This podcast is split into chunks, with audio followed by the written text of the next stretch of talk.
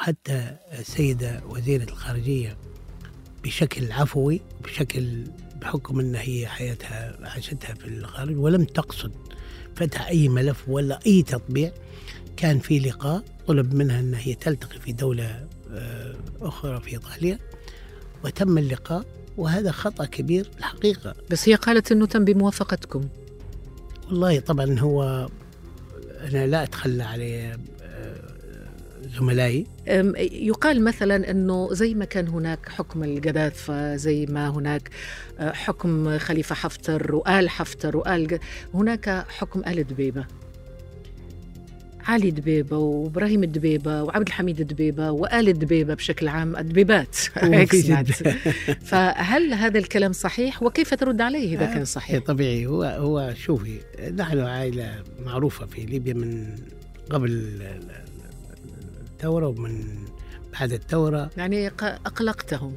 طبيعي وما زلت أقلقهم وسوف نقلقهم.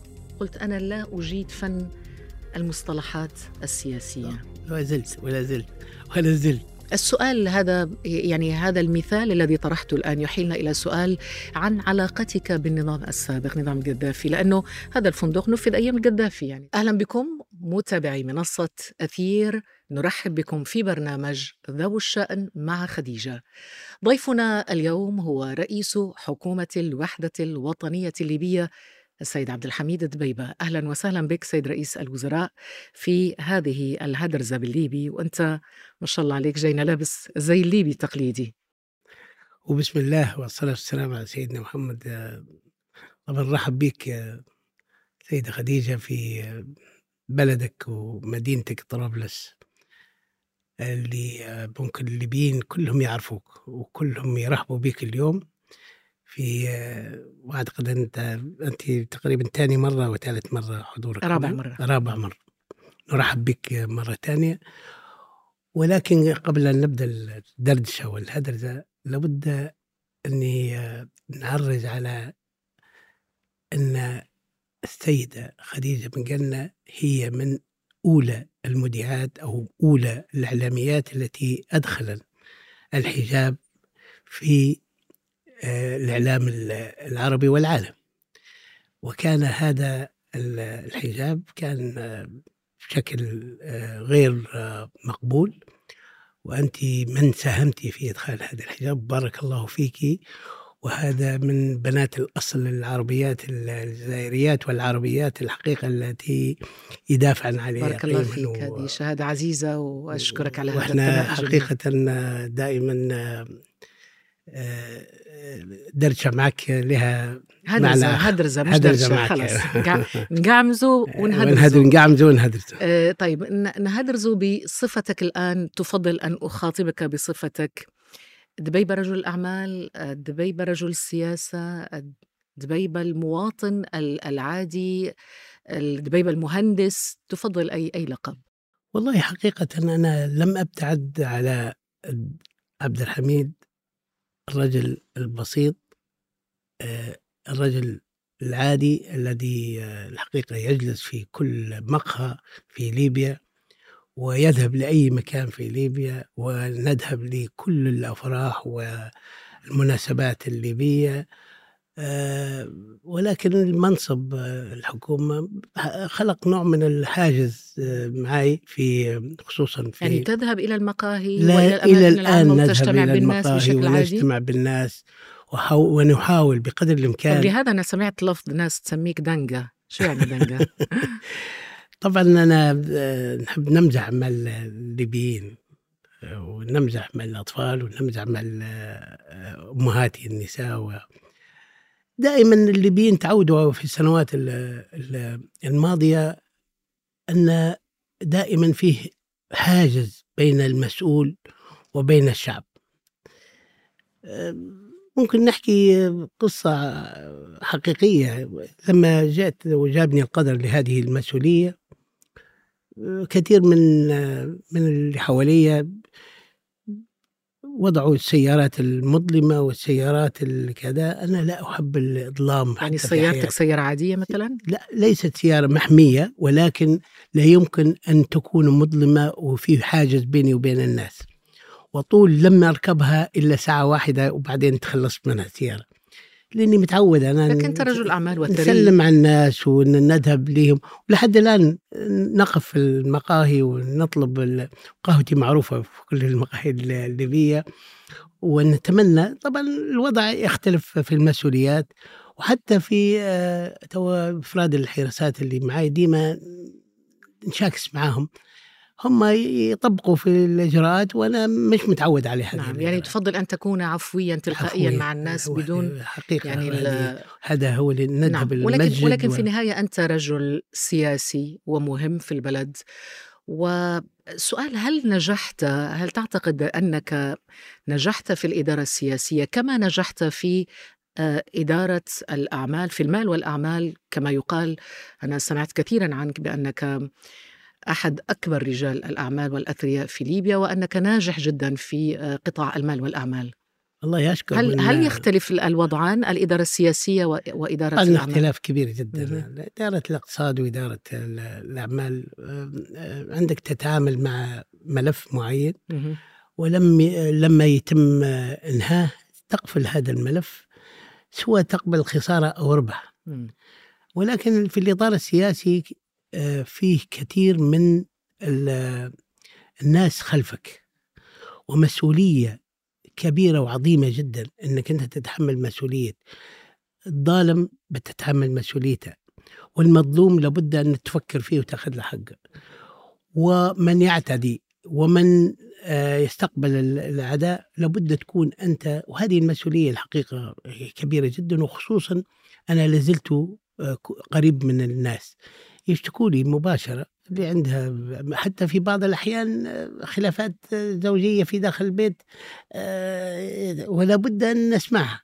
وهذا تسمعها وتحلها ولا ونحاول طبعا الحل دائما نحاول في حلها ونقابل في المتظاهرين ونقابل في الناس اللي عندها شكاوي.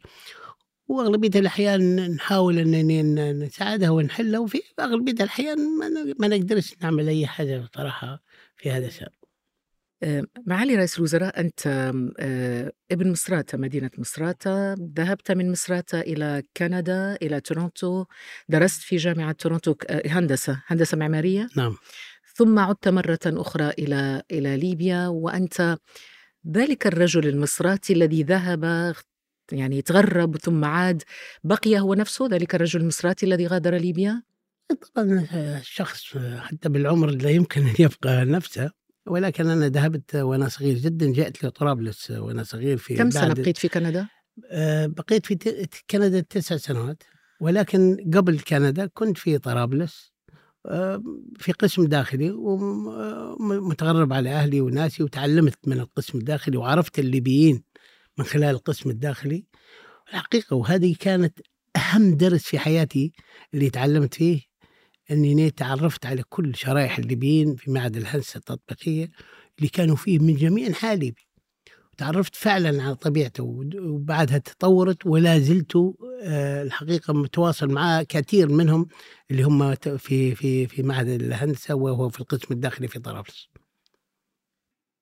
معالي رئيس الوزراء مصراتة توصف دائما بأنها من المدن المنتصرة في الثورة. يقال أنه مكانتها العسكرية والسياسية هي التي مكنت عبد الحميد دبيبة من الوصول إلى الحكم. إلى أي مدى يمكن أن يكون هذا الكلام دقيقا ولو جزئيا؟ شوفي هذه مدينتي وأنا الحقيقة لم أغادرها في, في كل مراحل عمري إلا في بداية الدراسة. آه، في كل المحن آه، تراني أرجع إليها وأرجع إلى أهلي وناسي و... وأنا أخواني وأخواتي و... وعندنا ارتباط أسري في مصراتة تحديدا ولا زالوا هناك لم يغادروا آه، وأنت تزور مصراتة وأنا كل أسبوع نذهب إلى مصراتة وعليه الارتباط لا يمكن أن يكون بشكل مدروس أو بشكل ارتباط طبيعي نرجع. آه، الناس آه، حتى كنت مسؤول أو غير مسؤول آه، تأتي إلي وتطرح وكنا نعاني في مشكلة آه، الوطن ومشكلة المدينة ومشاكل ثورة 17 فبراير كنت آه، الحقيقة إحنا ما نزايد آه، على أحد. ولكن آه، كانت كل المدينة آه، وأغلبية المدن اللي تو مشهورة في آه، حقيقة تارت آه، ضد ال- التغيير لأجل التغيير ولأجل وضع آه، وضع أفضل في الحياة وفي المجتمعات ومساراتها لا تختلف على باقي المدن الليبية اللي تارت من البيضة وبنغازي وطرابلس والزاوية وزنتان وكل لأن أنت ما نبيش نحصر ال- أسماء مدن.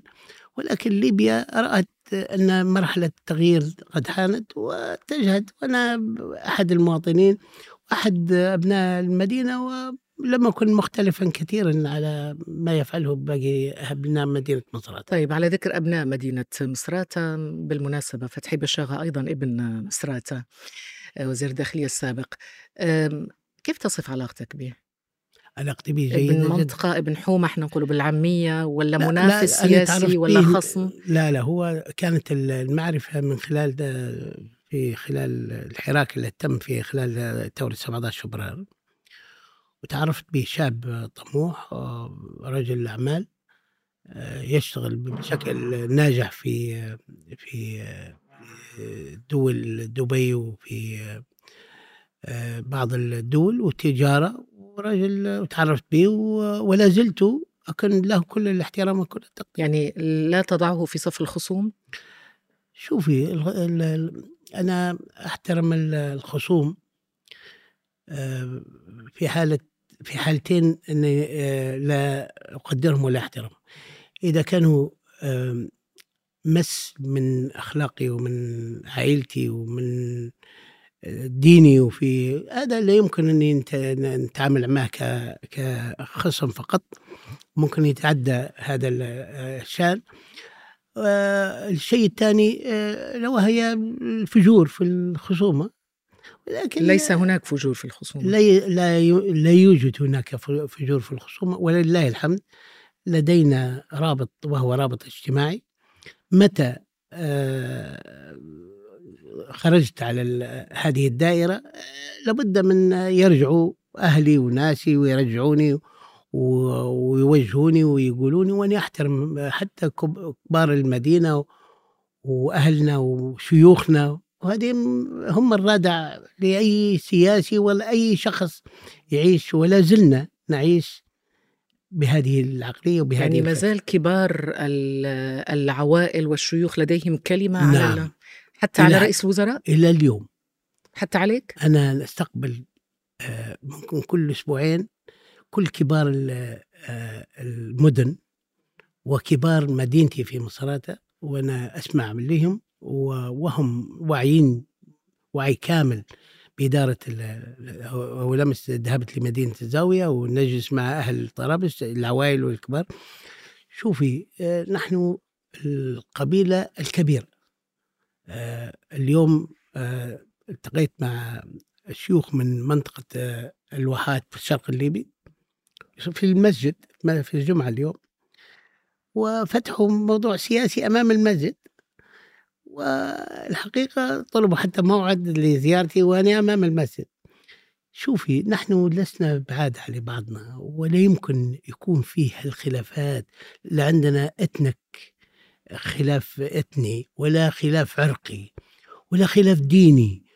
نحن الظروف وبعض الأحزاب وبعض الدول هي اللي فتنت بين الشعب الليبي ولا زال الشعب الليبي أنا تصوري كل مختارين محلات ليبيا كلهم من جميع أنحاء ي- يأتوني ويزوروني من كل الممكنات ونستقبلهم بكل رحاب يعني الصدر بابك مفتوح للجميع دائما مم. عندك وقت تستقبل والله الناس؟ طبعا حسب حسب. التقديرات وحسب الوقت هذا يقاس في طيب أنت جئت آه، من خلفية اقتصادية وقلت في بداية توليك لرئاسة الحكومة سنة 2021 قلت أنا لا أجيد فن المصطلحات السياسية. لا زلت صحيح هذا الكلام؟ ولا زلت. ما زلت إلى الآن؟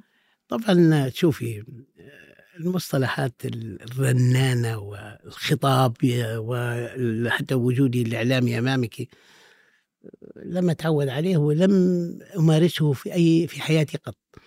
أنا شعاري شيء واحد. أنا مسلم ونوحد الله سبحانه وتعالى ونحترم ديني ونحترم أخلاقي وأحترم وأقدس هذا البلد ونحب أهله من شرقا وغربا وجنوبا وأراه أنه في الفترة اللي فاتت قريبا يضيع. هذه الغيرية هي اللي خلقتني وجزت بي إلى إلى عالم السياسة وعالم المسؤولية.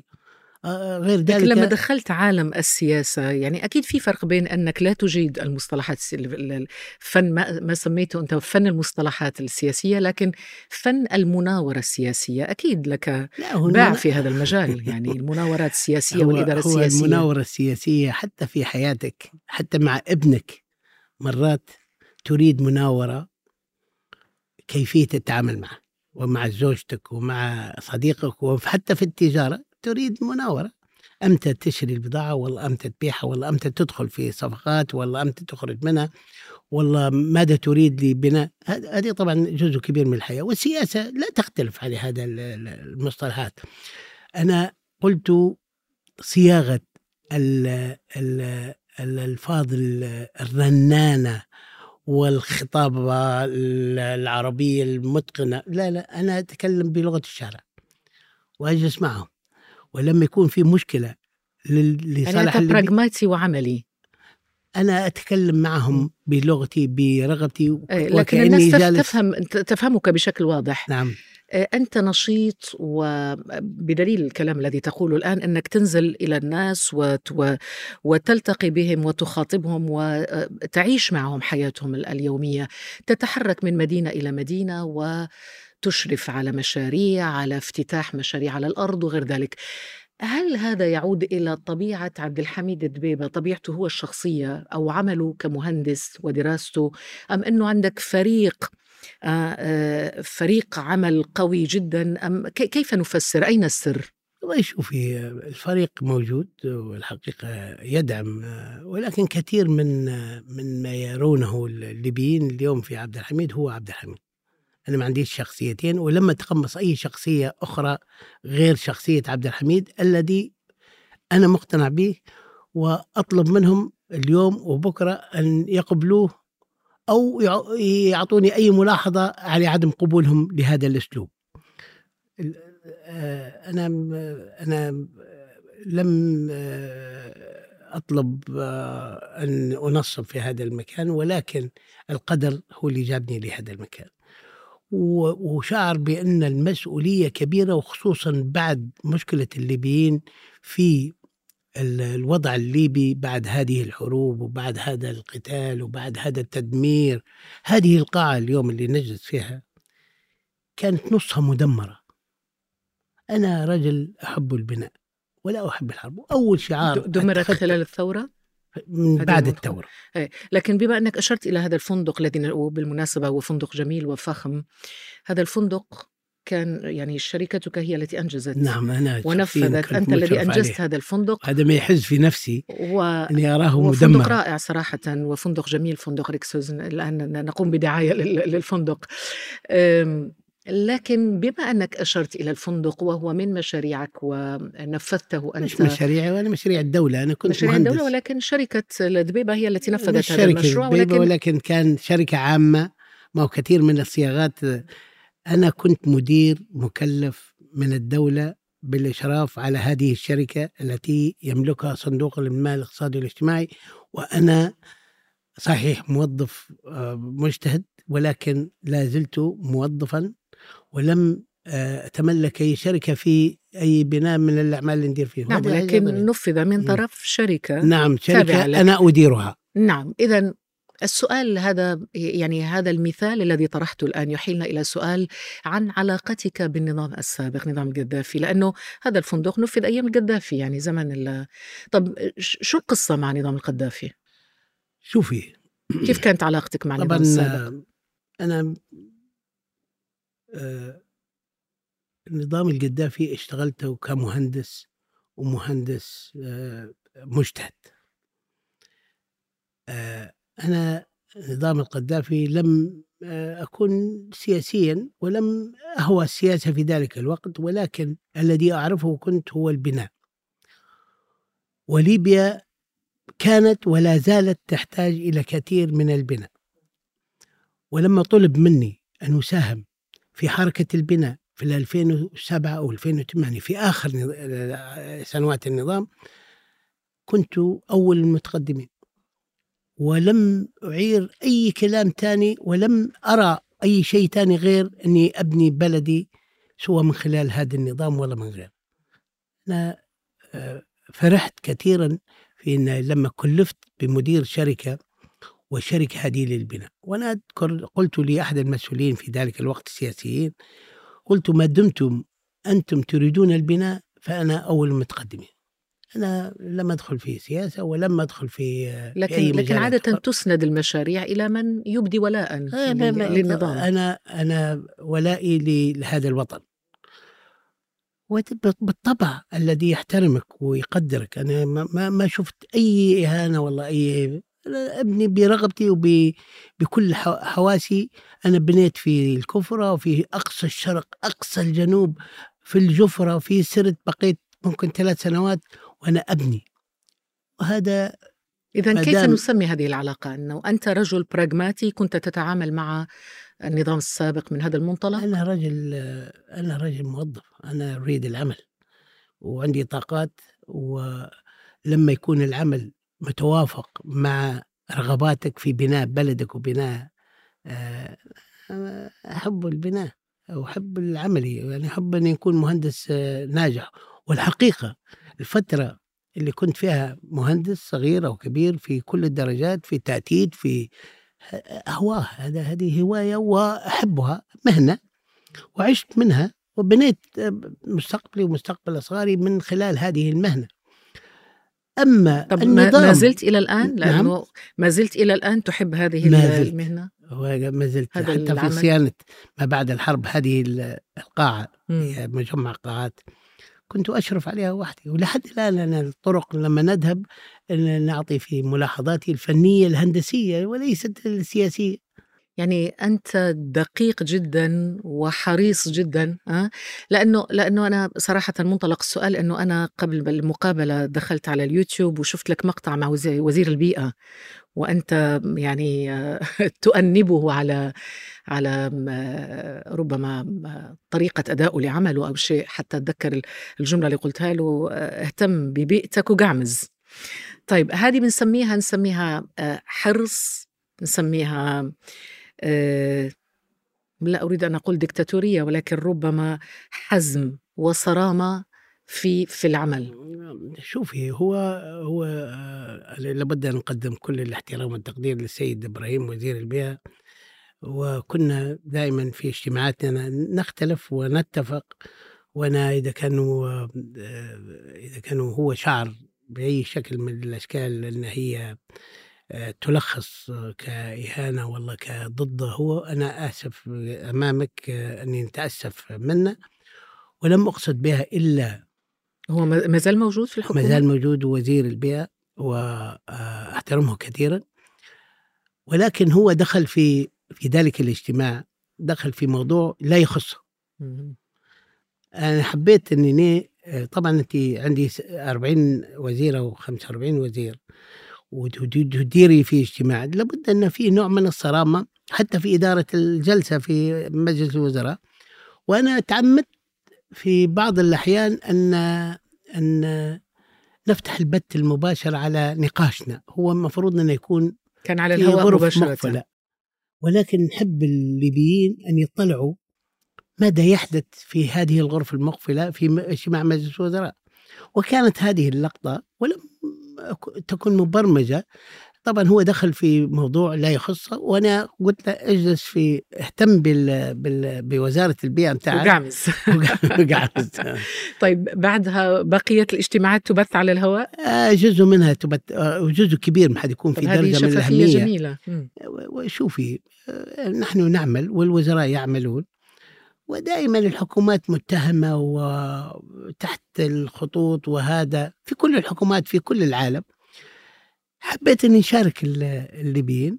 آه، في كثير من الأحيان وهذه حقيقة أنسى أنني على البث المباشر. وهذه ممكن كانت واحدة من اللحظات إحنا الآن على اله... إحنا لا، الآن مش بث. مباشر. نحكي في ذلك الاجتماع. وفي بعض الاجتماعات نقولهم البث ما زال في بث مباشر. يقول لي طب نت- اللي- الليبيون كيف يستقبلون هذه الرسائل؟ والله طبعا فيه فضولية آه، الليبيين فضوليين كيفهم كيف أي تاني وفي اللي يهم المواضيع في اللي يدخل في مواضيع مهمة تهمه وتهم الليبيين أو تهم طرف يحب إنه يشارك فيها حتى بالسوشيال ميديا أو بالاتصال أو برسالة يراسلوا فيه يعني والناس يتفاعلون مع يتفاعلون معه. وهذه التفاعل طبعا متعب هو يعني نفعل ال- كل ال- الليبيين معك ولكن أنا آه، أي موضوع أي صورة نقرأ. وهذا ممكن تعبني يعني. نقرأ في تعليقاتهم نقرأ في, في تعليقات طبعا يعني تدخل على المنصات أحيانا وتقرأ تعليقات الناس على إجراء معين قرار معين. نخاطب في بعض المواطنين. بعد نشوفه ظلمني. نخاطبه مباشرة من صفحتي. ترد على الناس الرد. ولا؟ على الناس. باسمك وب باسمي بصفحتي بكل شيء. باش نقول له نقول له أنت ظلمتني. لما يكون في تعليق ظالم. اليوم آه، تعبني هذا الأمر. وطبعا في وحدين يكذبوا وفي اللي يصدق. لكن أنا أقول لهم إني يا عبد الحميد وأنت قلت فيا كذا وكذا وكذا وأنا ما نستحقش منك هذا الرأي. من حسابك الموثق. من حسابي المسجل بالعلامة الزرقاء. ممتاز. هذه أيوه. سابقة بالنسبة لي المسؤولين سابقة. لكن أنا نحاول لكن هم ال- الشعب دائما كل واحد عنده غاية وكل واحد عنده هدف وكل واحد عنده لكن بادرة جيدة. إن شاء الله تنتشر أيضا بين إنك تواصل. المسؤولين. وتتفاعل هم يريدونك تتفاعل مع الجميع. لكن مستحيل. لكن الناس مبسوطة هذا ما لاحظته على الأقل في ال... وإن كان الوقت لم يسمح لنا بالنزول إلى الشارع بشكل كبير. ولكن واضح أنه هناك آم، حالة من ال- التفاؤل.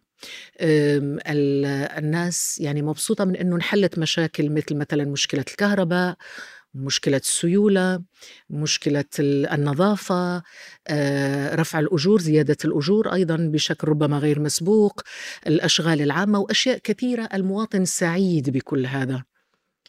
لكن البعض يقول أنه كل هذا يرافقه إهدار للمال العام. كيف ترد عليه؟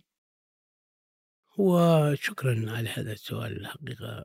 طبعا أنا جئت لهذه الحكومة وكانت كل المشاكل كل المشاكل آه، موجودة على حمل وعلى قلب الليبيين أتذكر جيدا أن آه، كنت في بداية بداية مشكلة الكورونا توليت عملي. سنة 2021 2021 وفتحت ملف الكورونا في أول اجتماع لمجلس الوزراء في وأول اجتماع لي في هذا المكتب. وسألت واستدعيت حتى من قبل أن أستلم رسميا بقيت أتابع ملف الكورونا لأنه كان ملف شائك وملف صعب. أه، أتذكر جيدا وأنا أتحمل مسؤوليته طبعا كلهم جايبين ملفات الديون على ملف الكورونا. الديون بالمليارات بالبليون ممكن آه، فاق الأربعة مليار دينار ليبي اللي هو حوالي مليار دولار ديون صرف. ولم أجد لقاح واحد في هذا البلد ولم يأتي أي لقاح في هذا البلد.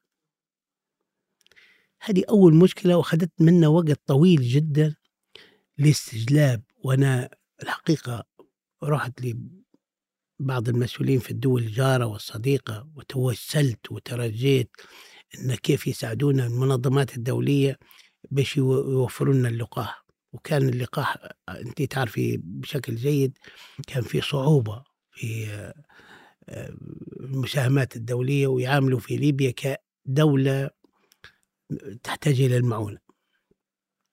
ولله الحمد توفر اللقاح بفضل حقيقة دول ورؤساء دول ساعدوني في في إيجاد هذه المهمة. لقيت الإظلام في الكهرباء يصل إلى 20 ساعة في اليوم. هذا غير المواطن اللي يعاني من البنوك وهالكلام اللي أنت قلتيه. هذا لا يمكن أن ينبنى وبقرارات تقليدية أنا ممكن دفعت مبالغ إضافية في لقاح الكورونا لأجل توفيره في هذه اللحظة. إذا كان بنستنى التراتيب وال queue ممكن بعد سنة يوصلني. أنا دفعت extra لجلب هذا اللقاح. وهذا إذا كان إهدار مال عام أنا قيمت بين إهدار هذا الإهدار وبين توفر اللقاح في ذلك الوقت. الكهرباء الناس تعاني. الناس خلاص تظاهرت في في الشوارع حرقت ال ال ال ال ال الإطارات. آه، الصيف يصل إلى 45 ولا 44 درجة ولم يجدوا لمبة أو مكيف حتى يستريحوا فيه. هل من واجبي أنا أن أعمل تندر وأعمل إجراءات معقدة وتقليدية وبيروقراطية حتى يأتي الكهرباء إلى إلى منزلي والله تشعل هذا المصباح. لا لا أنا كسرت كثير من من الحواجز تاخذ قرارات فردية في هذه مش الحالة؟ فردية لا لا لما كنا بالتشاور مع. دائما بالتشاور يعني طبعا نشاور ولكن الحسم بعد التشاور لابد أن يكون لشخصي. أنا أنا متحمل المسؤولية. أنا لما المواطن في المستشفى يموت من من انقطاع الكهرباء لأن أو نقص الأكسجين. ما يتكلمش على المجلس كل المجلس يتكلم على عبد الحميد الدبيبة اللي هو في وجه هذه العملية. معناها أنا ما نقول لك يعني ليس هناك هدر للمال العام؟ لا يمكن. في في جهات رقابية. كيف هدر المال العام؟ أنا لو أن في هدر للمال العام طبعا جهات الرقابيه الليبيين ويقيموا في الواقع الشخص اللي عدوك يقول ما يقول أنا لا طب مين مين عدوك؟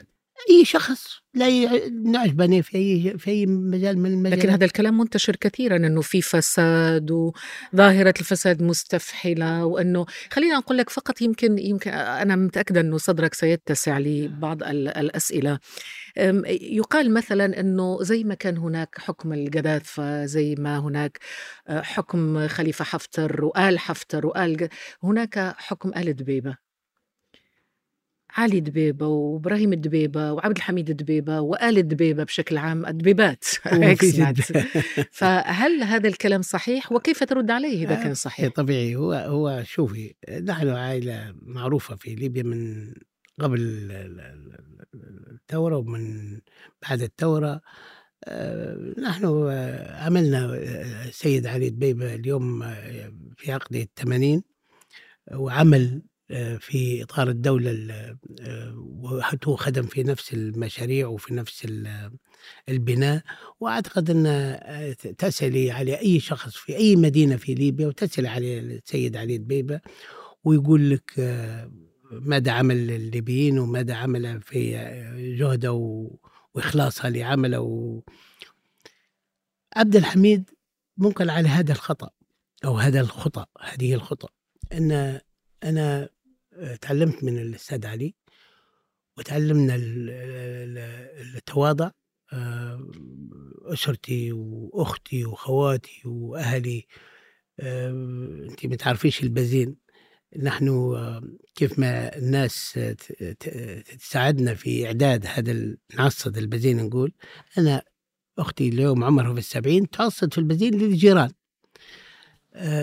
شوفي أي شخص ناجح حيكون فيه ليه أعداء الليبيين ثلاث درجات الخطأ هذا أنا ما, ما لا أقول أن إحنا رسول الله ملائكة أن ما فيش أخطاء ولكن نحن اللي طبقنا الأجهزة الرقابية في أي قرار.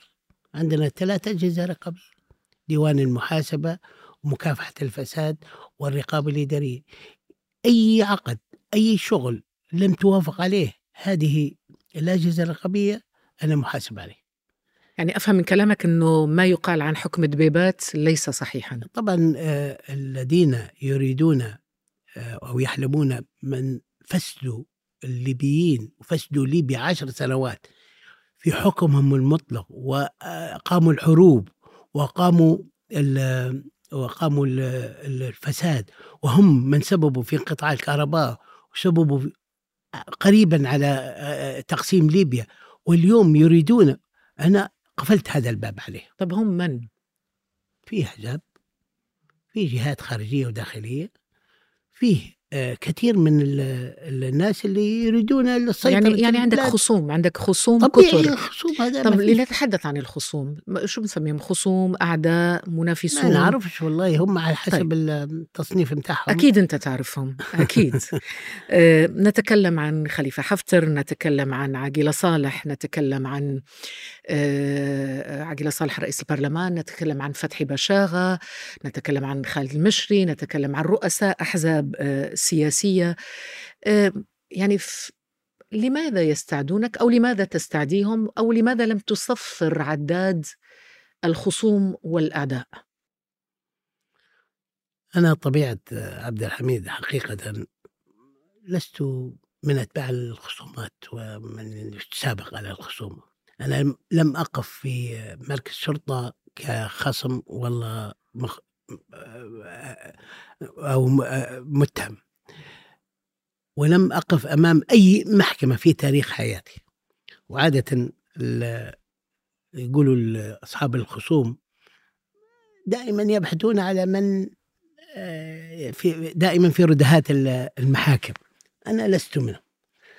أنا أول ما جيت فتحت ادرعي وقلنا طبعا هو واقع عشر سنوات أو تسع سنوات من السيطرة و وقلنا لهم حلوا على هذا الشعب شوية و... خذوا خطوتين إلى الخلف وخلوا فرصة أخرى ل- للعمل. من سبب في انقطاع الكهرباء ومسبب في في رداء الخدمات ومسبب في آه، الناس تشحت في الشوارع ومن سبب من سبب في ناس كانت موجودة في هذا البلد تحكم سواء من أحزاب ولا من أشخاص. من سبب في تدمير مدن تدمير مدن. طرابلس هذه نصها مدمرة كانت. يعني تقصد الأسماء التي ذكرتها أنا الآن. ما فيه اللي ذكرتيه وفيه اللي غير اللي ذكرتيه وأغلبيتهم هم غير يعني ذك- ما قائمة ذكرتيه. طويلة يبدو. طبيعي طبيعي حاجة طبيعي حكموا عشر سنوات بطريقتهم البائدة البالية الذي لم يراعوا فيها احتياجات هذا الشعب اللي هو مفروض يكونوا خدام لهذا الشعب. وإحنا جينا بروح أخرى وبدأنا نعمل في هذا الشعب. طبيعي حتى من ال ال حتى من ال شو يقولوا لها ال- ال- النغرة وال طبيعي بي بي بي بي يعني أقلقتهم طبيعي وما زلت أقلقهم وسوف نقلقهم بيش؟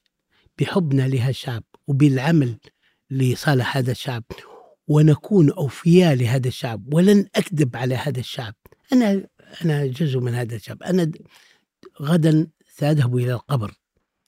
عندي مرضاة الله سبحانه وتعالى ومرضاة هذا الشعب. ونحافظ على أثر أبنائي وأسرتي في هذا الشعب بعد عمر طويل إن شاء الله. لكن يعني أنت هل سألت نفسك قلت لماذا يستعدون عبد الحميد دبيبة؟ ماذا فعلت لهم؟ لم أفعل في لهم. سبب لهذه الخصومة لا السياسية؟ لهم أكيد في أسباب مباشرة. ربما. أنا. قلت لك مم. لما أنت عارفة لما إحنا في طريقنا لإصلاح الكهرباء فيه من هم نفسهم وجه الرصاص اتجاه محطات الكهرباء لتدميرها. لا يريدون النجاح لأحد بعدهم هم. هم لسوا آه، ليسوا آه، ناجحين ولا يريدون أي أحد أن ما, ينجح. ما مصلحتهم في ذلك؟ مصلحتهم مسيطرة في أموال في ليبيا وهذا أنت تعرفي أخت خديجة. و... وإذا كان ما تعرفيش لازم تعرفي اليوم أن ميزانيات العشر سنوات الماضية يقولوا إهدار في هذه الحكومة. لم نصرف زيادة على ميزانية العشر سنوات الماضية. بقرش بل بالعكس السنة الماضية عملنا تخفيض صرفنا أقل من ميزانيات السنوات الماضية بمقدار حوالي 20% أقل من أقل من الماضية الميزانية 20% السابقة وهذا منشور. ولا لا يريدون نحن أغلبية دخلنا من مبيعات النفط وبعض المداخيل الثانية ونفس الإنتاج اللي ننجو فيه بالسابق ننجو فيه اليوم. ونفس الدخل بالدولار. ماذا فعلوا بهذه الأموال هم؟ أنا اليوم الحقيقة أدي لأي مدينة في ليبيا أي مدينة في ليبيا. ممكن ما عملناش الحاجات الكبيرة والطموح متاع الليبيين. لأن بدأنا في العمل ولكن بدأنا في معالجة مشاكلهم سواء في الصرف الصحي أو في بناء الطرق المدمرة للسنوات مدمر. ما بنوش طريق واحدة ولم يعالجوا محطة صرف واحدة ولم يعالجوا محطة كهرباء واحدة بهذه الأموال بنفس الأموال ولم يضيفوا حتى مبلغ لمرتبات الأجور ولم ولم ولم. بالطبيعة بيستعدوني وبيستعدوا أي واحد تاني ناجح غير مهم لكن معالي رئيس وزراء الميزانية لم تحدد ربما من أكثر من عشر سنوات. نعم. وإجراءات الدولة لابد أن يكون فيه قانون ميزانية. قانون ميزانية هو يحدد. طبعا النفط ودخول الدولة تدخل تباع وتدخل للمصرف المركزي ومن تم أي حكومة تأتي يحدد لها قانون ميزانية. معناها أنت تطلبي كم تصرفي من ميزانية سنوية وتصرف على ضوءها والرقابة تتابع هذا هذا الشأن. طبعا في قانون الميزانية إذا كان ما فيش من يقرر قانون الميزانية؟ يعد الحكومة ويعتمد الجهات التشريعية. في حالة عدم آه، آه، موافقة أو عدم اعتماد الجهات التشريعية لهذه الميزانية يتم اعتماد قانون واحد على 12 بنفس مصروفات السنة الماضية من مصروفات الدولة سواء بميزانية أو بغيرها يتم الصرف عليه وهذا الإجراء قانوني ولا يمكن التشكيك به مصرف اللي بالمركز يصرف بناء على قانون واحد على 12 معناها لا يمكن آه، زيادة المصروفات على السنة التي قبلها. ودخل ليبيا كان مستمر وأرصدت ليبيا جيدة والبنك المركزي أتاح للحكومات التي سبقتنا بنفس وأكثر من الميزانيات اللي أخذتها. طب الواردات من الذي يديرها؟ يباع النفط ويباع الغاز والمال يذهب تدخل إلى مصرف ليبيا المركزي. هذا مصرف سيادي آه، ولا يتبع للحكومة ولا يتبع إلا يتبع للشعب والجهات التشريعية. وأعتقد أن المصرف المركزي أدى دورة كاملا في السنوات العشر الماضية ولكن الصرف يتم من خلال الحكومات بناء على ميزانية محددة. معناها مش مفتوحة هيك وخلاص ميزانية محددة. أما ميزانية معتمدة من البرلمان أو من الجهات التشريعية وميزانية واحد على 12 بناء على ميزانية السنة الماضية. وأعتقد أن إحنا نصرف في ميزانية واحد على 12 وأعتقد هذا قرار و...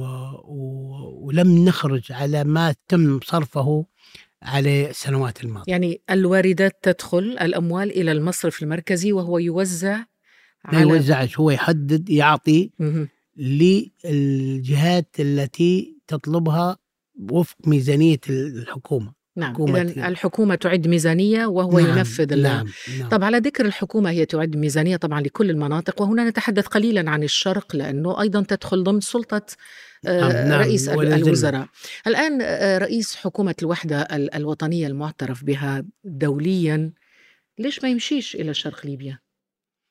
صحيح هذا سؤال حقيقة نحن ذهبت في بداية اعتماد هذه الحكومة. الخلاف الخلاف السياسي خلق نوع من التوتر. أنا لا زلت أدير كل البلديات في أنحاء ليبيا ولا زلنا كحكومة وحدة وطنية زلنا ندفع كل مرتبات الليبيين حتى من ضمنها الجيش اللي في شرق ندفعوا له مرتبات لأنهم ليبيين وهذه مرتبات حقيقة يستحقها المواطنين الليبيين آه لم يحدث أن توقفت؟ لم حتى ولو توقفت توقفت ببعض الطلبات وببعض الأمور المشاريع كلها مبنية على توزيع جغرافي من خلال الأجهزة التنفيذية اللي يشرف عليه جميع المشاريع في في ليبيا.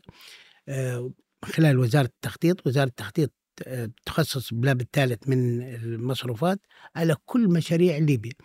وعندنا منصة أي شخص أي شخص يريد معرفة كل درهم صرف في ميزانية التنمية ما عليه إلا يدخل منصة وزارة التخطيط ويذهب إلى منطقته في أي منطقة في ليبيا ويزر يضغط على الزر ويرى المشروع من هي الشركة ومن ونحاول تنمية كل المناطق وكل المشروعات. لأن حكومة كل الليبيين. حكومة كل ليبيا إذا أفهم منك أنه مشكلتك ليست مع الليبيين في الشرق ولكن مع شخصيات سياسية في الشرق. طبيعي طبيعي. أنا الليبيين يجوني وأنا أتمنى أني نزورهم لكن هم كل الوزراء وكل المسؤولين يذهبون هناك و... أنا أنت فقط الذي لا يذهب إلى ممكن أنا فقط.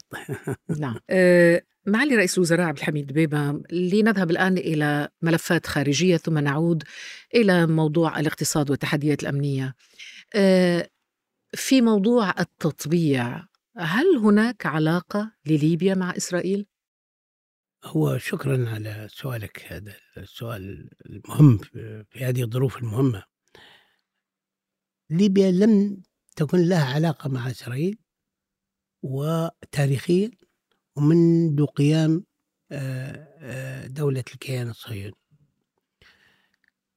والشعب الليبي سواء نحب أو نكره أو ماذا نريد الشعب الليبي ما لم ترد حقوق الشعب الفلسطيني لم ولن يكون له علاقة مع إسرائيل. طبعا الردهات السياسية فيه بعض النقاشات وبعض اللقاءات مرات بالصدف أو مرات في بعض الأطراف. نحن لم نفتح هذا الباب وحتى السيدة وزيرة الخارجية بشكل عفوي وبشكل بحكم إن هي حياتها عاشتها في الخارج ولم تقصد فتح أي ملف ولا أي تطبيع. كان في لقاء طلب منها إن هي تلتقي في دولة آه، أخرى في إيطاليا وتم اللقاء وهذا خطأ كبير الحقيقة. يعني أنت تقول هي نجلة المنقوش لم تقصد ذلك طب لماذا عاقبتها إذا؟ لم تقصد لأن الشعب الليبي هو اللي عاقبها ولست أنا. أنا حقيقة الأمر أنا أتفهمها وأنا أعرف لكن أقيلت؟ أم أنها مو... يعني هو توقيف ولا إقالة؟ لأنه إلى الآن ليس هناك بديل لوزيرة الخارجية نجلة المنقوش موضوع القضية الفلسطينية موضوع حساس بالنسبة للشعب الليبي بشكل كبير جدا. حتى الخطأ فيه قليل لا يمكن أن يحاسب على حجمه. لابد أن نبالغ في هذا الحجم بيش حتى يواكب ردة فعل الشعب الليبي في لذلك الوقت. آه، ردة فعلي أنا تجاه السيدة الوزيرة كانت تقريب من آه، من وجهة نظر الليبيين وأعتقد أن أقل حاجة ممكن آه، نقدر نبرر فيه هذه الحكومة والسيده الوزيره أن هي ارتكبت هذا الخطأ. بس هي قالت أنه تم بموافقتكم. والله طبعا هو أنا لا أتخلى عليه آه، زملائي سيدة نجلة زميلتي ورفيقتي من يوم الأول في الحكومة. ولكن حقيقة الأمر أنني لم أوافق على هذا الاجتماع. نعرف أن فيه بعض اللقاءات الجانبية والله اللقاءات السطحية من هنا وهناك ولكن لم أوافق على جلوس مع وزير خارجية وهي لم تكن تعلم أن هناك وزير خارجية إسرائيلي؟ أنا لم ألتقي بها بعد بعد هذه لم تلتقي بها وأقلتها؟ التقيت بها في ذلك الوقت وهي علمتني أن هي التقت بي تعاملنا مع الحدث. ولا يمكن أن نقول أو أفكر أن هي كانت تعلم أو لا تعلم. آه، شكلنا لجنة تحقيق وأعتقد لجنة, لجنة التحقيق إلى الآن لم تصدر أي نتائج؟ إلى حسيت الموضوع. طبعا السيده نجلة شخصية وطنية بامتياز تحب ليبيا ولا يمكن أن تبيع قضية ليبيا بأي شكل من الأشكال وهي مرأة نحن في ليبيا الحقيقة شعرت أن لا تعامل بمعاملة الرجال نعم. في هذه لكن لجنة التحقيق توصلت إلى إيش؟ توصلت أن هي الحقيقة استدرجت لهذا اللقاء ولم ولم تكن تقصد لفتح حلقاته وتطبيعه لشيء يعني التحقيق انتهى إلى نتيجة كان لقاء عرضي وهي بثقافتها إنها عايشة في أمريكا وعايشة في في دول متفتحة شعرت أن هي اللي قام لم ي... ما عندهاش أي تأثير. سطحي؟ سطحي نعم. آه، هي مقالة الآن؟ هي موقوفة. لهذا لم يعين وزير خارجية في مكان لا لا لا.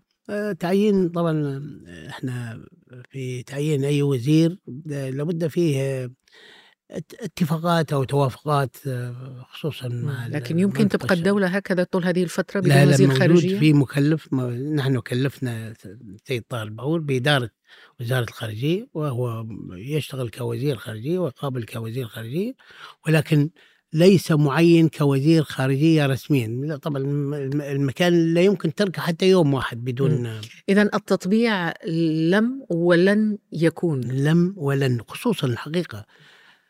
في الظروف اللي مرت بها غزة اليوم آه، لم يترك مجال حتى للتفكير في هذا الشأن حقيقة.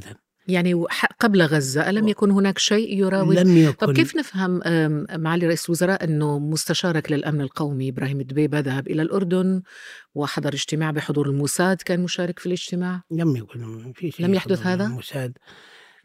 أي لقاء غير رسمي ولم يدرس بشكل رسمي نعتبره في ردهات ال- الرسمية. أنا لا لست مسؤول على أي شخص يقابل أي شخص في في إطار الشخصي ولكن نحن المسؤولين على اللقاءات الرسمية والمسجلة في وزارة الخارجية أو وزارة أي أي مستند. هذا يعتبر إطار رسمي. أما غير ذلك فليس أن إحنا نكون مسؤولين عليه والله تحت أي ظرف من الظروف. نعم. إذا أنا أخذ منك الآن تصريح رسمي بأنه لن لم ولن يكون هناك أي تطبيع مع إسرائيل طالما هناك احتلال. شوفي القضية الفلسطينية ما لم تحل وفق الإطار الحقيقي واللي يرضي وي- ويترك آه، آه، آه، ال- ال- السيادة لأرض ال- القدس وفلسطين للفلسطينيين نحن آه، لا يمكن بيع القضية الفلسطينية بأي شكل من الأشكال. طب الآن في هذا العدوان الإسرائيلي على غزة ماذا قدمت ليبيا لغزة؟ قدمت ما يمكن تقديمه. نحن الحقيقة ما زلنا نشعر بأننا المقصرون في اتجاه القضية الفلسطينية واتجاه أبناء غزة. نحن نتألم عندما نرى مستشفيات غزة تقصف ومدارسها وحتى الأنروا لم تسلم من المنظمات. طبعا إحنا ساهمنا عن طريق المنظمات الهلال الأحمر لأن نبوه يوصل مساهمتنا آه، عن طريق الأنروا. أرسلتم؟ أرسلتم مساعدات ووصلت؟ مسا... إحنا كنا في لحظات تانية دولة من ناحية ال- الحجم ترسل وقدمنا مبلغ مالي للأنروا ول ل... يقدر بكم؟ آه، مبلغ إحنا اعلنا عليه 50 مليون دولار آه، ممكن تو في الاجراءات آه، نقدم جزئيا ونطلب كيفية صرفه وكذا نحن ملتزمون بالقضية الفلسطينية وملتزمون مع الشعب الفلسطيني في أي قرار يتخذه هو برأيك ما الذي كان يتوجب على الدول العربية أن تقدمه لفلسطين ولغزة ولم تفعله؟ هو الشعب الفلسطيني الحقيقة نحن دائما نشعر بالتقصير ومقصرون تجاه القضية الفلسطينية سواء من ناحية ال ال الشعب العربي أو من ناحية الحكام ودائما يتهمون الحكام والمسؤولين. و أنا نرى وفي كلمة السيد وزير الخارجية المكلف الذي حضر اجتماعات السعودية وكثير من الاجتماعات نرى أن حان الوقت اليوم لحل القضية الفلسطينية لتقديم الحل الحقيقي للقضية الفلسطينية. اليوم الشعب العربي كله ملتف وراء القضية الفلسطينية. الشعوب العالم التي كانت مغفلة أو كانت الحقيقة ليست مدركة ل ل ل لما يعانيه هذا الشعب. اليوم بدأت تدرك هذا ال- يعني هناك وعي. وعي. وفي نفس الوقت آه، اليوم آه، حتى الدول اللي داعمة ل- لإسرائيل في آه، في في استيطان والله في في هجومها اليوم بدأت تصحى وشعوبها الصحي فيها في اتجاه هذه القضية. اليوم ندرك أن وقلنا هذا الشيء بإمكاننا وضع برنامج حقيقي لحل مشكلة القضية الفلسطينية بشكل أفضل. وحتى الشعب الفلسطيني من السنوات الستين أو سبعين حقيقة ما ما لم يرى طب الحياة. أين الحل؟ حل الدولتين تراه مناسبا؟ أنا أنا لا أحدد الحقيقة ما هو الحل ولكن اليوم فرصة أن نناقش فعليا لحل الدولتين إذا كان هذا يرضي الشعب الفلسطيني وأهم شيء القدس أن نحن لا نفرط في في عاصمة فلسطين القدس أو بأي اتفاقات أخرى أي بأي ضمانات يضمنها العرب. اليوم حتى الحكام العرب والشعوب العربية أكثر واقعية للنظر بدل من الشعارات وما أدراك ما الشعارات وسنحرر ونرمي في البحر ونرمي في النهر. هذه شعارات ما الشعب الفلسطيني والشعب العربي لم يتحصل من وراها حتى حاجة طب كان هناك مظاهرات في ليبيا مؤيدة للفلسطينيين؟ وأنا اشتركت شخصيا في هذه طيب المظاهرات إدارة ليبيا لعلاقتها مع الفلسطينيين تتم عبر السلطة الوطنية الفلسطينية لديكم علاقة مع حماس وقيادات المقاومة أم لا؟ نحن الحقيقة ما, ما نفرقش بين كثير من الفلسطينيين في بعضهم نتعامل مع السلطة الفلسطينية وسفير السلطة الفلسطينية موجود في في ليبيا وفي طرابلس وزرت السفارة في أثناء هذه الأحداث واجتمعت مع الإخوة الفلسطينيين آه، وتكلمت مع السيد آه، رئيس السلطة الفلسطينية في ماذا يمكن عمله. نتكلم مع الأطراف في غزة وندعم آه، إذا كان فيه إمكانية دعم كل الأطراف آه، اللي بيوصل الأكل والحياة والمعيشة والتعليم لأبناء شعبنا في غزة ولا في أي مكان نحن سندعمه ونقف معه. تعتقد أنه هجوم 7 أكتوبر قتل كل مشاريع التطبيع أو عطلها على الأقل؟ شوفي التطبيع حتى ولو فيه تطبيع هي دولة كيف مصر والأردن ودولة اللي مطبعة من سنوات اليوم لما رأوا فيه ظلم للشعب الفلسطيني نسوا التطبيع.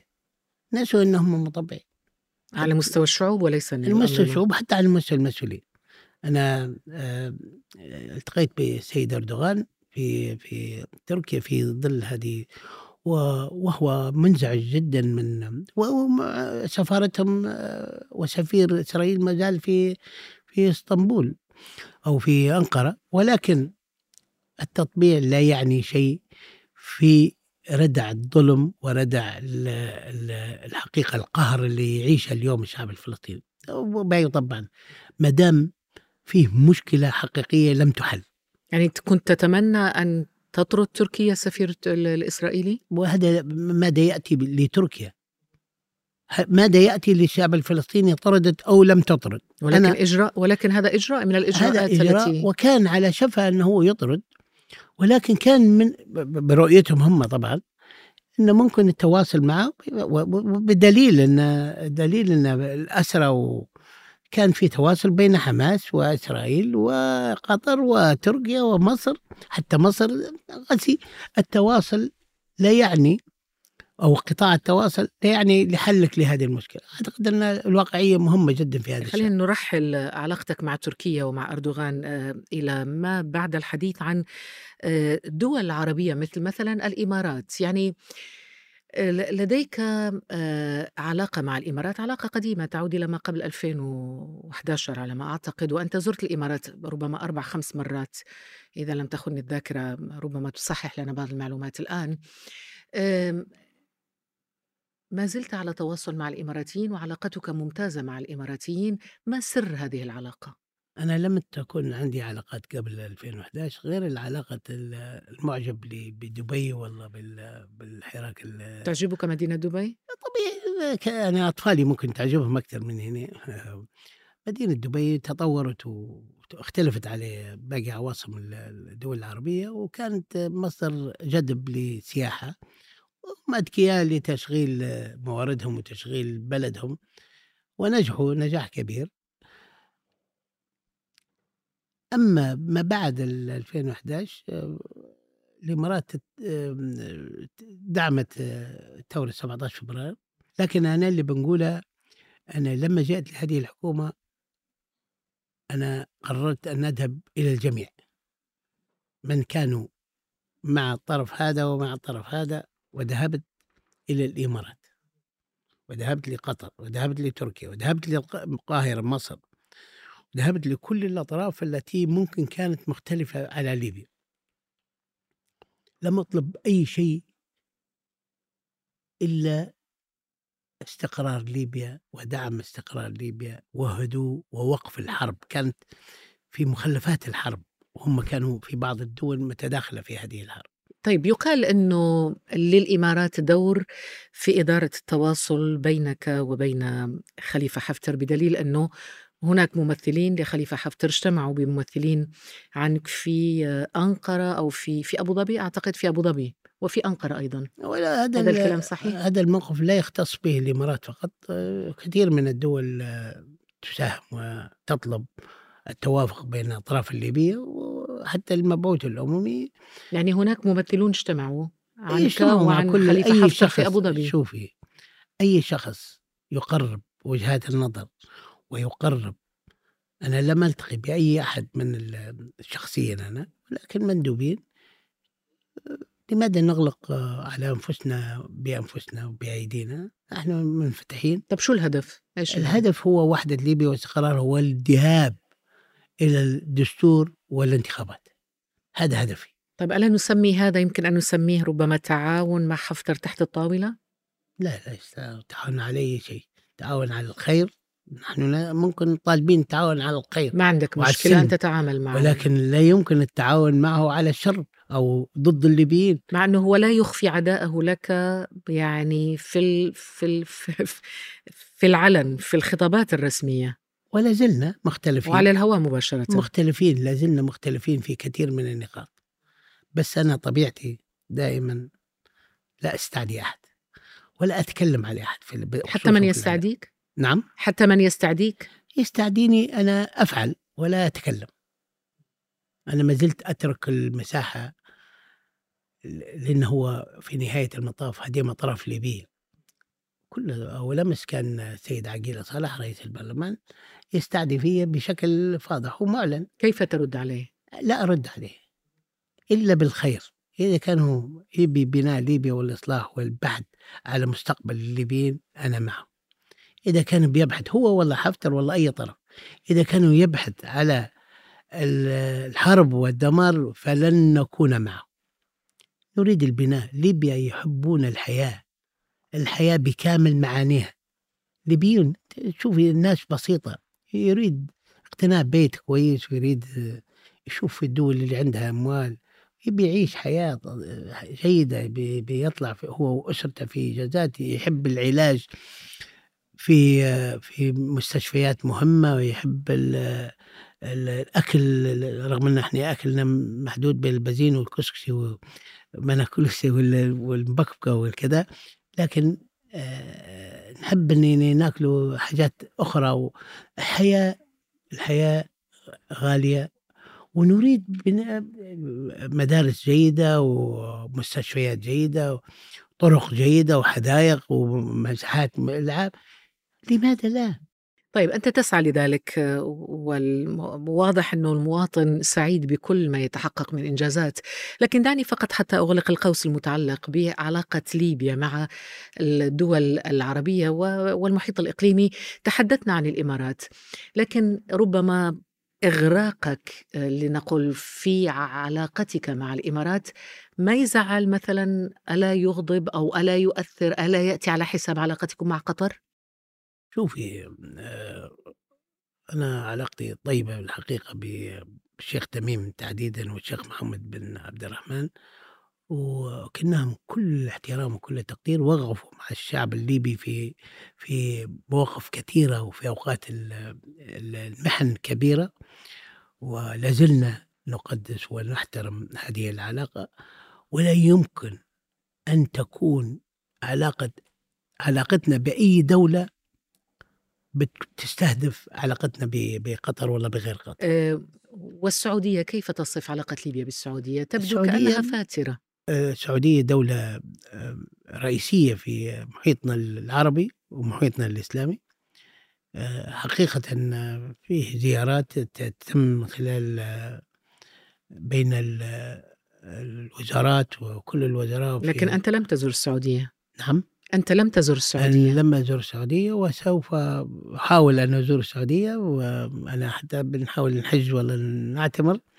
لا هذا شيء آخ- آخر لكن على المستوى السياسي ليس هناك علاقات نعملها متبادلة. اثنين مرات اثنين آه، يتعمل في نفس. الوقت. آه، السعودية آه، بناء على الشيخ محمد عنده مشروع طموح مشروع مشابه لمشاريعنا إحنا في المنطقة ندعم هذا المشروع. ونتمنى أن نكون آه، قريبين حتى في تعاون في تنفيذ المشاريع في بلادنا لتطويرها و آه، ممكن نتشارك في في خصوصا في موضوع البناء وموضوع وممكن لا نتشارك في بعض المواضيع ولكن نحن ما زلنا نحترم السعودية وخادم الحرمين الشريفين وحكامها وفي نفس الوقت الشعب السعودي اللي وقف مع الشعب الليبي ولا زال يقف إلى حد الآن. مصر كيف تصف العلاقة مع مصر؟ مصر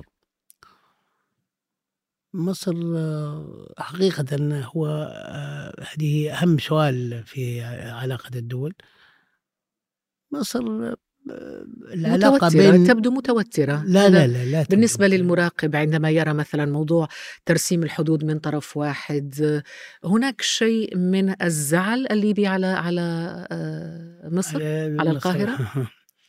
هو آه، مصر هذه آه، لا يمكن لأي شخص مثلي أو مثل رئيس مصر أن يقيس أو يحدد هذه العلاقة لأنها هذه علاقة تاريخية مصيرية مستقبلية ولا يمكن لأن إحنا دولة جارة والشعبين مت- أقرب شعبين بين بين بين دولتين إحنا بين وبين إحنا مصر. لكن هذه الدولة الجارة اختارت معسكرها. طبيعي لابد فيه جنوح في بعض ال- الأحيان وفي بعض ال... ولكن نلتزم بالمبادئ الأساسية الأخلاقية التي تربط بين الشعبين. نحن نحترم ما زلنا مصر واليوم عندنا حوالي أكثر من 30 شركة مصرية دخلت وتعاقدنا معها في تنفيذ آه، أكبر مشاريع في وخصوصا في طرابلس وفي الجنوب وفي الشرق. نحن نريد مصر نريد شعب مصر نريد عمل مصر نريد خبرة مصر. نتمنى إذا كان في هي آه، جنوح في بعض المواضيع. هو مش جنوح هي تعتبر أنه حكومة الوحدة الوطنية هي حكومة منتهية الصلاحية. هي ما تعتبر هذا أكثر من الجنوح يعني أنها تعتبركم حكومة غير شرعية. هذا طبعا ما يقال ولكن يستقبلون في وزرانا في مصر في القاهرة ويعقدون الاجتماعات في خصوصا في الجامعة العربية وغير الجامعة العربية. السفير المصري ما زال موجود في طرابلس وأمس تلقيت أنا وياه. آه، وزراء ال- طب قلت له شيء بخصوص. دائما نقول له دائما نقول له وبعون الله آه، هذه ال- ال- السحابة لابد أن تنجلي في يوم من الأيام ونحن صبورون هذه السحابة كما تسميها طبعا الجميع يتمنى أن, أن, أن يزول كل السحاب بين الدول العربية ولكن قرار ترسيم الحدود البحرية يعني بقرار أحادي الجانب ألم يغضبكم؟ هل تنوون مثلا رفع الموضوع إلى محاكم دولية؟ ترضون بهذا الواقع؟ وضعتكم أمام الأمر الواقع؟ لا لا لا لا, لا. هذا طبعا الحدود البحرية والحدود الدولية آه، تضبطها قوانين دولية تضبطها الأمم المتحدة وتضبطها أعراف واتفاقات نحن آه، هذا القرار آه، لا نعرف خلفيات ال- إلى الآن لا تعرفون لا لا خلفيته؟ عرفنا نحن احتجينا احتجاج رسمي لدى السلطات المصرية ولدى الأمم المتحدة في ترسيم الحدود ورأينا أنه هو قرار وصلتم الموضوع للأمم المتحدة؟ قدمتم شكوى؟ نعم نعم. قدمنا من خلال تفكرون في. محكمة لاهاي الدولية مثلا؟ ما زال هم لم يدخلوا في تنفيذ هذا القرار والله في أي إجراءات تنفيذية له ورأينا أن ممكن يتم النقاش مباشرة معنا ونحن مستعدين. جسيتوا النبض حسيتوا أنه مستعدين لهم للنقاش ونحن مستعدين لنقاش آه، ترسيم هذه الحدود. هو ممكن في قرار كان داخلي آه، اضطر أو اضطروا لاتخاذ هذا القرار. نحن لما يكون فيه قرارات معلنة تسجل في الأمم المتحدة نحترمها. نمر من العلاقة مع مصر إلى دول جوار أخرى العلاقة مع الجزائر وتونس. كيف توصفها؟ بالنسبة لتونس طبعا أقرب للعاصمة طرابلس وهي البلاد الذي أحتضن لكل الشعب الليبي في محنة سواء من أيام الحصار الجوي اللي وقع عليه ليبيا أو من خلال الحرب أو الخلاف اللي حدث في 2011 أو بعض الصراعات اللي حدثت ما بعد 2011 في في منطقة الغرب الليبي. دائما آه، تونس آه، الحقيقة استقبلت وفتحت أبوابها وفتحت بيوتها وفتحت مستشفياتها للليبيين وهذا شيء طبيعي نراه طبيعي. ولا زالوا العلاقة مستمرة وكل الليبيين آه، يعالجوا في تونس وسياحة أكبر سياح يأتون من الجزائر ومن ليبيا. كل المقتنيات يتم فيها في تونس. حتى بعض الاجتماعات حتى السياسية منها تتم في تونس وكأنها أنها هي جزء من ليبيا. طب علاقتك أنت مع الرئيس قيس سعيد كيف تصف؟ علاقة طبعا أكثر من جيدة بالنسبة لقيس سعيد وهو داعم لليبيا وداعم لتطلعاتها في الذهاب إلى الانتخابات والذهاب إلى شق وليس معنا أي خلاف مع أخوتنا في تونس. الجزائر آه، عندها علاقة آه، خاصة شعب شعبية. الشعب الجزائري آه، دائما يقف مع حكومته ومع رئيسه مع الشعب الجزائري. الليبيين قريبين من ثقافتهم ولغتهم وحتى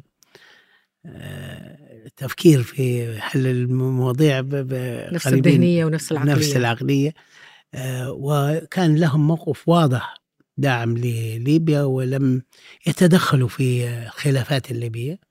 ولكن ولكن الحدود طويلة 940 كيلومتر ضبط التنسيق بينكم وبينهم في ضبط الحدود امنيا لأنه هناك شكوى مستمرة من دخول السلاح إلى مالي وإلى عبر الحدود الليبية. طبعا الحدود الصحراوية طويلة جدا وإحنا فقدنا كثير من من الإمكانيات في متابعة المجرمين ولكن اليوم حنفتح معبر دبداب في بين الجزائر وبين ليبيا قريبة جدا وقعنا الاتفاقية مع الجزائريين ونتمنى من هذا عندها أهمية استراتيجية؟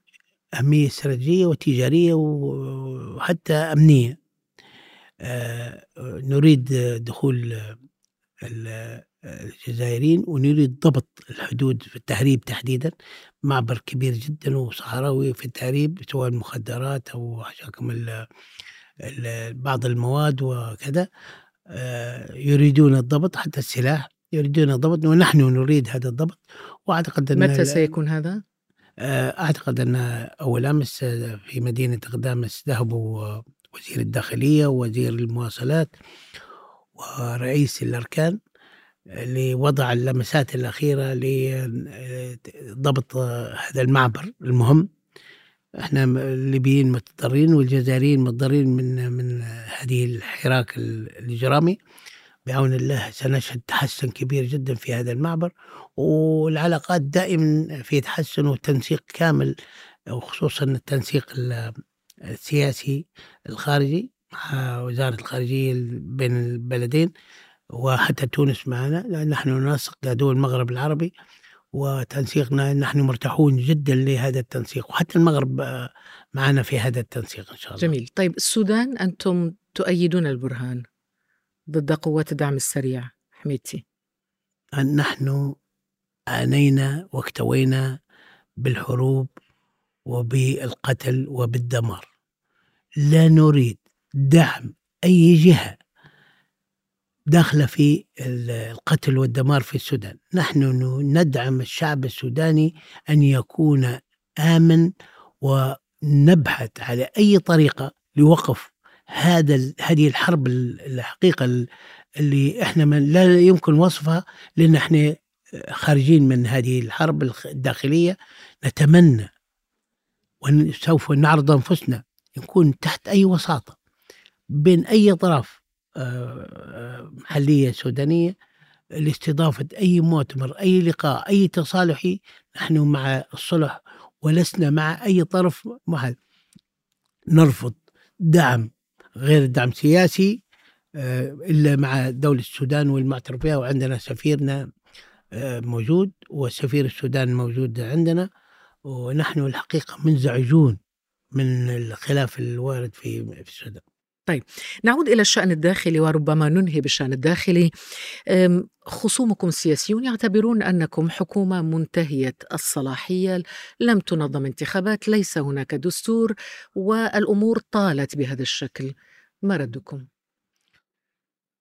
طبعا هو أي مشكلة كل واحد يرمي في الحمل على غيره ويبحث على طرف يحمل عنه المسؤولين. نحن شعارنا واضح جدا. في هذه الحكومة أننا آه، الشعب الليبي كفاه وحكومات انتقالية جديدة ومراحل انتقالية جديدة.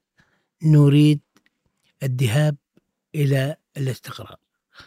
نريد قانون عادل أو قوانين عادلة ما تستثنيش أي شخص في ليبيا سواء المرشحين الحاليين أو المرشحين الجدد ويكون فيها كل الليبيين سواسية وندخل الانتخابات بعد هذه القوانين ونبحث مع البرلمان الجديد في الانتخابات البرلمانية وتشكيل حكومة بأسرع وقت ممكن لتسليمها هذه الحكومة يعني أفهم منك أنك ترفض تس التسليم لحكومة مؤقتة. نعم. وأنت استلمت من حكومة مؤقتة. أنا استلمت باتفاق كان ليبي وكان كان الهدف منها هو آخر حكومة مؤقتة.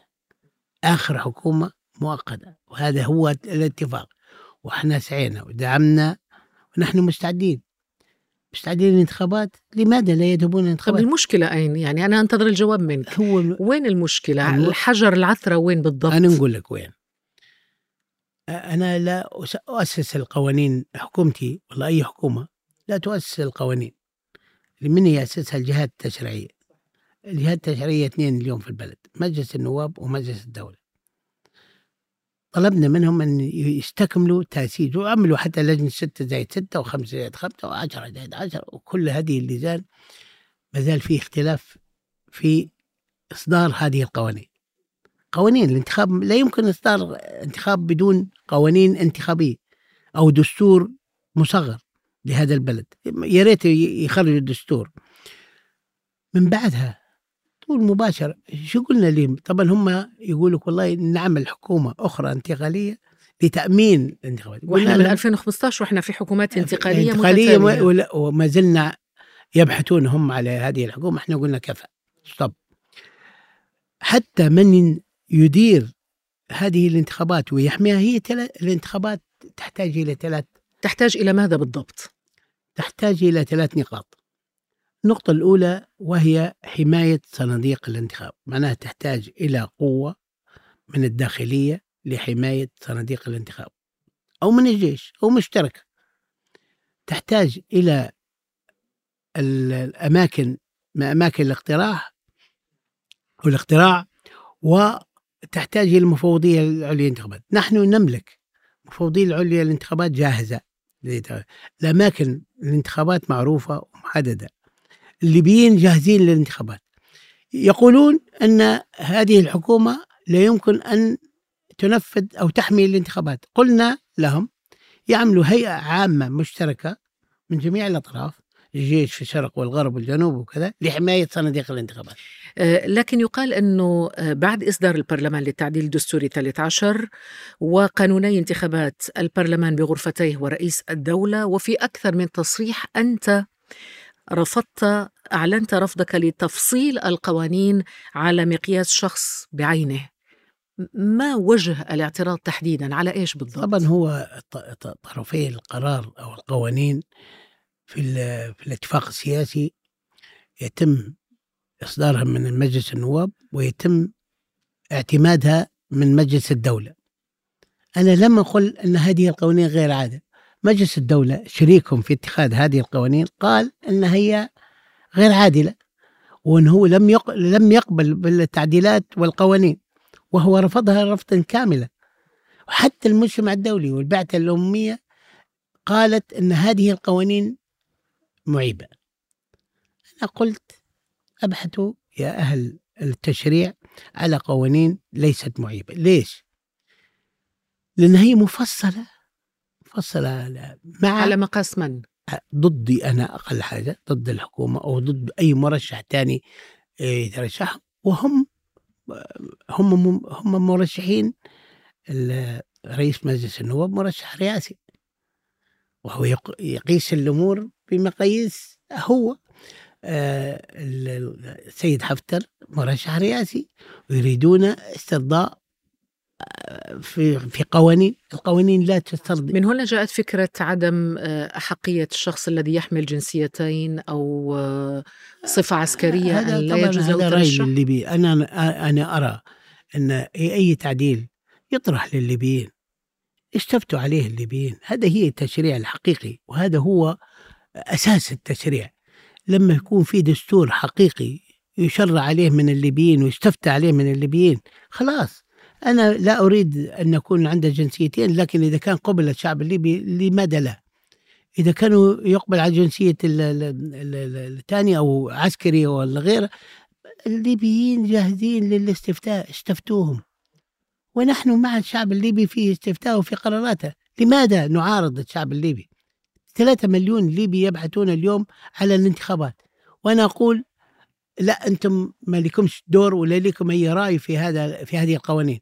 استفتوا الليبيين ونقول لهم ماذا تريدون؟ طب الليبيون يمثلهم البرلمان والبرلمان يرفض يعني برلمان مشاركتك في الحوار الذي تدعو إليه مبادرة أعتقد المبعوث أنها الأممي. أثبت في الفترة الأخيرة أن البرلمان لا يمثل كل الشعب الليبي.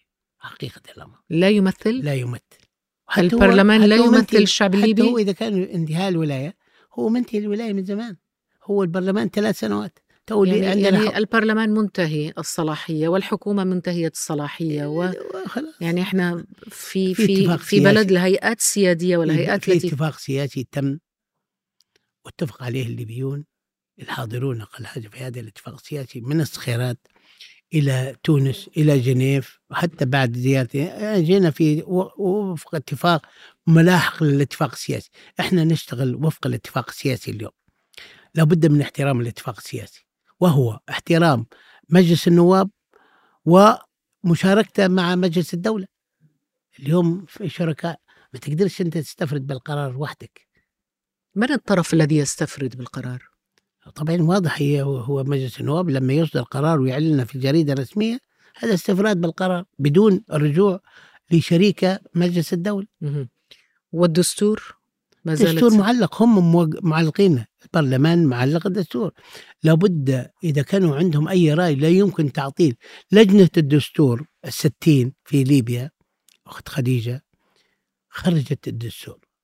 فيه قصور ما فيش قصور يفترض أنه يخرجوه للشعب الليبي للاستفتاء. هم دسوه في دواليب ودهاليز البرلمان. يخرجوه للشعب الليبي ويعاودوا دراسته ويعاودوا آه، آه، صياغته مرة أخرى في لجنة أخرى إذا كانوا لم يعجب الليبيين. ولكن لا يمكن أنك أنت تحجر. طب شو المانع أن يعاد صياغة الدستور وعرضه على الشعب؟ ليش لا؟ مهم. إحنا قلنا لهم حتى خذوا يعني رأي الفكرة هذه مطروحة؟ لم لا, لا يريدونها لا. مهم. طب ما رأيك بمبادرة المبعوث الأممي؟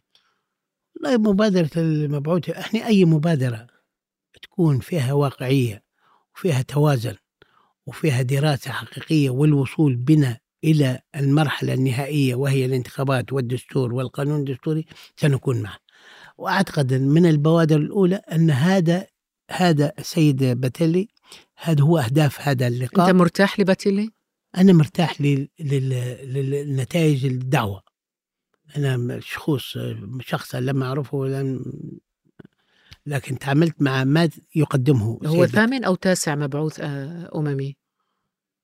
أنا اللي عرفت السيدة ستيفاني هذا اللي تمت فيها الدراسة وعرفت سيد بتالي تعاملت معهم كمبعوثين لكن كل هؤلاء المبعوثون الأمميون يعني أعتقد هناك ثمانية ثمانية مبعوثين مروا على ليبيا ألا يؤشر ذلك إلى استعصاء ال ال ال الوضع آه، في ليبيا؟ على أي مبعوث أممي؟ شوفي آه، الأمم المتحدة وسيلة من وسائل التقارب بين وجهات النظر. وأعتقد أن آه، في مرحلة من مراحل ليبيا تاريخها أن الأمم المتحدة تدخلت في ليبيا وحلت المشكلة الليبية وحتى تدخل الأمم المتحدة في آه، اجتماع جنيف. هذا تدخل الأمم المتحدة خرج مجلس رئاسي وخرج حكومة موحدة. وبعدين في طرف لم يعجبه هذا الأمر. وهذه الحكومة يفترض أن هي مجلس الدولة ومجلس النواب يستخرج القوانين والحكومة تنفذ وإحنا جاهزين. نعم لكن المبعوث الأممي عبد الله بيتيلي دعا إلى حوار خماسي يضمك آه، كرئيس للحكومة مع رئيسي مجلس النواب والمجلس الأعلى للدولة ورئيس مجلس رئاسي وقائد الجيش في شرق ليبيا. هل تتوقع نجاح آه، هذه المبادرة المبادرة عفوا في ظل آه، إصرار مجلس النواب على استبعادك أنت شخصيا وعدم احتسابك كطرف سياسي بل المطالبة فقط بتشكيل حكومة مصغرة تشرف على الانتخابات. هو نحن قبلنا الدخول في هذه الحوارية بدون أي قيد ولا شرط. نحن آه، قلنا له إذا كان كل واحد بيفكر أن يستبعد الآخر حتى إحنا عندنا ما نقول. طيب ماذا تقولون؟ نقول أن آه، آه، قائد الجيش هذا غير طرف غير شنو وضعه إحنا أقل حاجة حكومة. البرلمان نفسه إذا كان هو بيقول والله استبعد فلان ولا استبعد علان ليس ملكه هو أن يقول هو حوار. والسيد بتالي طلب الاجتماع ونحن حاضرون. ولكن لا يمكن إشراك كل الأطراف اللي في ليبيا في هذا الحوار نبو صالة اجتماعات في ملعب آه، كرة قدم والله كذا شوفي آه الإيجابية دائما آه هي سيدة الموقف الشخص الإيجابي يريد الجلوس ومن تم اجلس على الطاولة وتكلم واطلب و لكن أنت ترى نفسك طرف سياسي. نعم. أنت ترى نفسك طرف سياسي في يعني لا أقول هذا الشيء ولكن الشارع ذهبي للشارع وإذا كان أنا لا نملك أي طرف سياسي. رغم أنه البرلمان يريد استبعادك. طبيعي هو كل واحد أنا أريد استبعاد البرلمان. لأن نبي برلمان جديد يحل محل البرلمان. ما ليس برغبتي شخصية ولا برغبة عقيلة ولا برغبة أي شخص. هذا البرلمان موجود وتم استدعاه للطاولة. أنا موجود وتم استدعائي للطاولة. فلنحضر ونناقش. نريد استبعاد هذا واستبعاد هذا. وحتى فكرة الاستبعاد راهي فكرة غير أخلاقية. لا نريد استبعادك. شنو يعني أنت طرف سياسي وموجود لك عشر سنوات. إحنا تو سنتين لنا. ولم حتى نقرب حتى المسافة اللي بيناتنا. أنت أكثر أول واحد مفروض إنك أنت تعلن الانتخابات. أنت عطلت القوانين الدستورية. أنت عطلت الدستور وما زلت تعطل القوانين الدستورية وتبحث على طرق جانبية أخرى. نعم.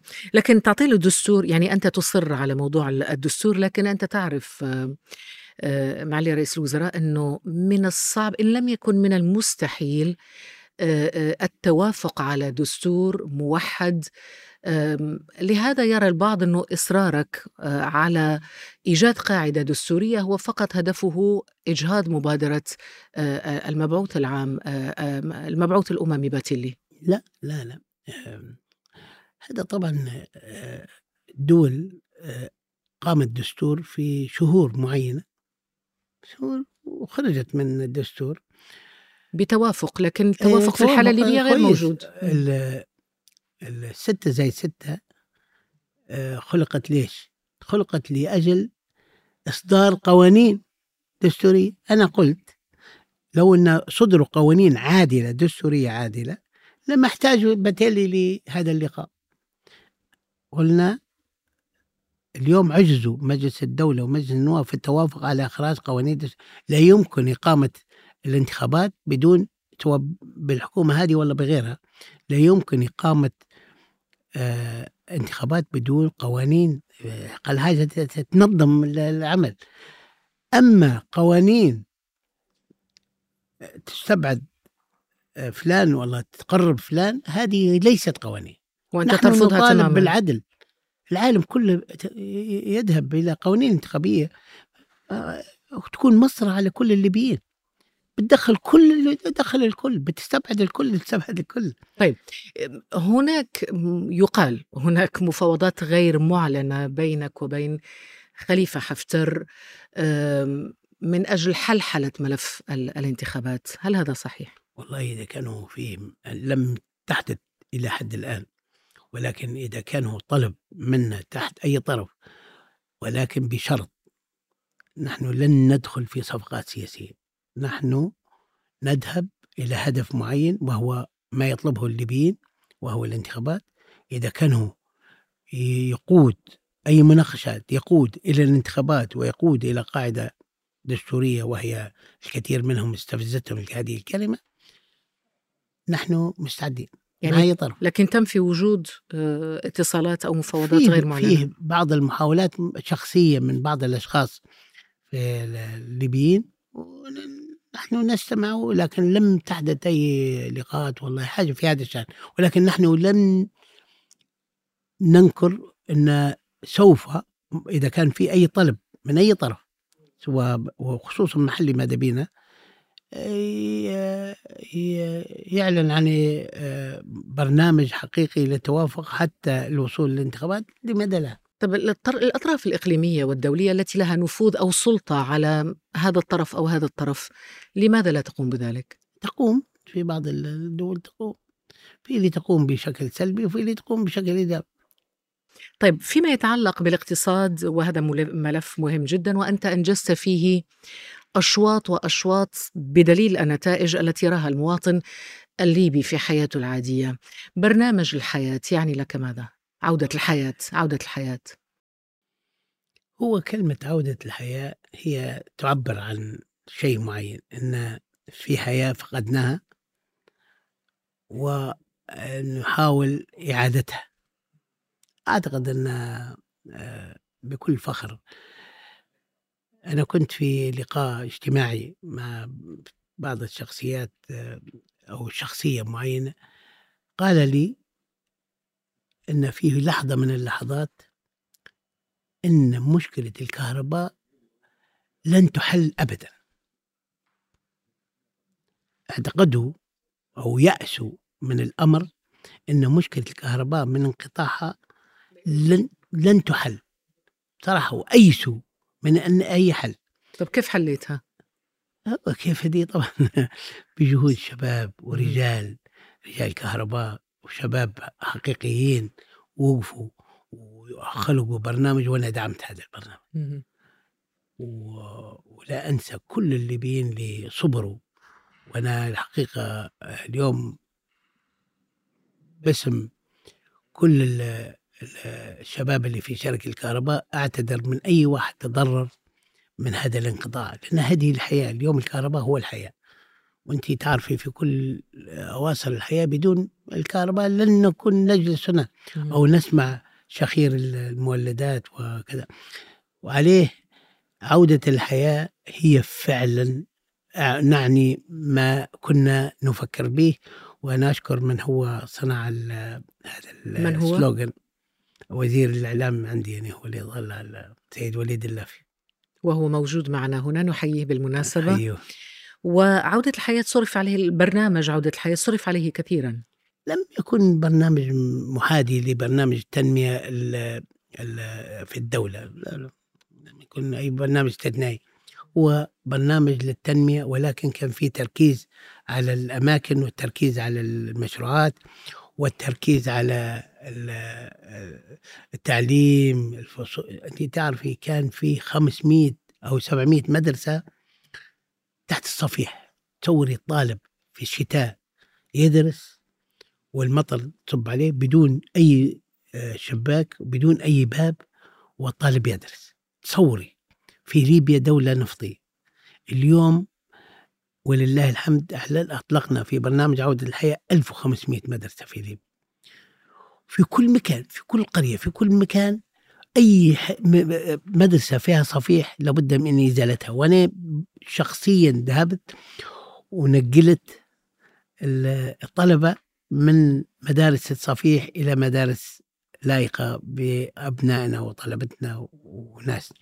يقال آه، أنه هناك عجز في الميزانية رغم أنه إيرادات البلد ما شاء الله يعني عالية جدا خصوصا من النفط والغاز. كيف نفهم هذا العجز؟ هو خلينا نحدد العجز من ماذا ووين مقياس العجز. إذا كان العجز في الإيرادات مقابل المصروفات معناه في عجز. إذا كان المصروفات أكثر من الإيرادات معناه يبدأ في عجز. هذا لم يحدث. ولم يحدث ولن يحدث في السنوات اللي فيها. أسوأ حاجة تكون متساوية أو فيها. السنة اللي فاتت صار في فايض على الدخول أكثر من 4 مليار دولار. السنة اللي قبلها 2 مليار. ليش؟ إن الميزانية مصممة للسنة اللي قبلها. آه، هناك إذا كان هناك فائض السنة الماضية ب 4 مليار دولار؟ قسي سنوات فيها فائض وفيها مصروفات. طبعا الفائض بين المصروفات والدخل جزء منه مصروفات الحكومة والجزء الثاني مصروفات الشعب مثلا بيع العملة. المصرف المركزي مرات يستندف لتوازن آه، الدينار الليبي مقابل العملات يبيع عملة. هذا لا يخصنا إحنا في المصارف هذا مصرفي. ما نستهلك جزء من أرصدتنا إحنا. هذا معادل أو معامل. بالنسبة لنا إحنا أقول لك واقول للليبيين من خلالك. أننا لم نصرف دينار واحد أعلى من أي مستويات في العشر سنوات الماضية بالنسبة للمصروفات. ولم يكن عندنا عجز ولله الحمد السنة هذه آه، في استقرار في بيع النفط والغاز. وهناك طموح بالنسبة للنفط والغاز أن يصل سقف إنتاج النفط إلى مليونين عام 2024 إن شاء الله. كيف سيتحقق طبعا ذلك؟ نحن أحد أهم الكثير من ممكن هذا هو يقول لك آه، عجز أم عجز نحن خصصنا للمؤسسة الوطنية للنفط أكبر ميزانية في تاريخ لماذا؟ لأن هذه المؤسسة هي اللي تنتج في أكل الليبيين طب بالأرقام يمكن نفهم الوضع أكثر في ميزانية ثلاثية خصصنا مبلغ 35 مليار وزدناها 9 مليار دينار للمؤسسة الوطنية النفط طبعا لقينا المؤسسة الوطنية النفط فاشلة تماما على سداد التزاماتها وحقوقها وحتى مرتبات موظفيها. نحن خصصنا هذه الميزانية لدعم القطاع قطاع النفط وتغطية العجوزات التي موجودة هناك وفي نفس الوقت زيادة قيمة الإنتاج اللي ننجو فيه. إحنا ننجو في 1.2 اليوم برميل آه، من النفط. نريد زيادته حتى 2 مليون برميل. هو طبعا ممكن المرحلة الأولى بتكون 1.5 وبعدين 1.9 لكن هناك قدرة على الإنتاج؟ إذا كان في تطوير صممنا النفط يحتاج إلى تطوير. نعم. الغاز والنفط موجود لكن البنية التحتية ليست ما هذا هو السؤال إنه هل هناك بنية تحتية نريد بناء وصيانة وبناء البنية التحتية لزيادة السعة طيب بما أنك أشرت إلى المؤسسة الوطنية للنفط يقال هناك مشاكل بين وزارة النفط والمؤسسة الوطنية للنفط وهذه المشاكل كانت واضحة يبدو آه، في تصريح وزير النفط محمد عون. ما القصة؟ شوفي أستاذ محمد رجل ضريع بشؤون النفط ورجل حتى بالعمر كم عمره تقريبا؟ أكبر منا إحنا فاق السبعين سنة هو وهو كل شغله في مجال النفط طبعا آه، آه، هذا الشخص آه، من بحكم وزارته عنده بعض القرارات وال وال والآراء في نوع من ال ال الكلاسيكية خلينا نقول. ونحن مستعجلون على الحركة في التطوير وفي البناء.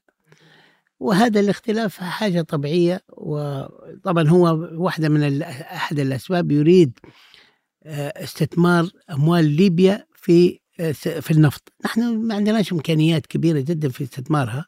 ولا بد من مشاركة الآخرين سواء شركة هيني أو شركة توتال أو الشركات الكبيرة آه، وهو يريد كل الاستثمارات تعود علينا إحنا بس كليبيين وهذا الخلاف ان إحنا ما ولكن هذا خلاف تقني خلاف تقني؟ خلاف في الرأي. أو في الرأي نعم. في الرأي. طيب بما أنه قبل أن نغادر المجال هذا فرحات بن كدارة آه، رئيس المؤسسة الوطنية للنفط عين بموجب صفقة آه، بين خليفة حفتر وعبد الحميد دبيبة برعاية إماراتية آه، ما طبيعة العلاقة بين وزارة النفط والمؤسسة الوطنية للنفط؟ شوفي أنا لا أقبل بقصة الصفقة ليس هناك صفقة؟ آه، أنا أقول لك أن في ذلك الوقت كان النفط مقفل تعسفيا ولا يدخل حتى دينار لخزائن الدولة الليبية وهذه من قفل النفط تحت بعض الستارات انه هو ما تحصلوش على حقوقهم أو لدوافع سياسية أو لأي سبب كان. أعتقد إن آه، إحنا آه، سيد فرحات شخصية معروفة وكان محافظ مصر في ليبيا المركزي في سنوات سابقة ولم تم تقديمه لنا هو من الشرق الليبي. ونحن نشارك حكومتنا من الشرق الليبي وما كانش فيه أي خلاف على على دخوله هو. ولكن كان فيه طلبين في حالة الاتفاق مع مع الأخوة في الشرق الليبي. اتفاق أن استمرار عودة النفط في التصدير. وإيداع المبيعات من النفط إلى المصرف المركزي. وهذا ما حدث. وهذا ما حدث. لهذا السؤال إنه في الفترة الماضية وهذا له علاقة بهذا الكلام الذي تقوله جرى تفاهم بينكم وبين سلطات شرق ليبيا أثمر عن فتح حقول النفط واستئناف الإنتاج وتعيين فرحات بن قدرة رئيسا للمؤسسة الوطنية للنفط. هل يمكن تكرار هذه التجربة في ملفات سياسية في مجال السياسة؟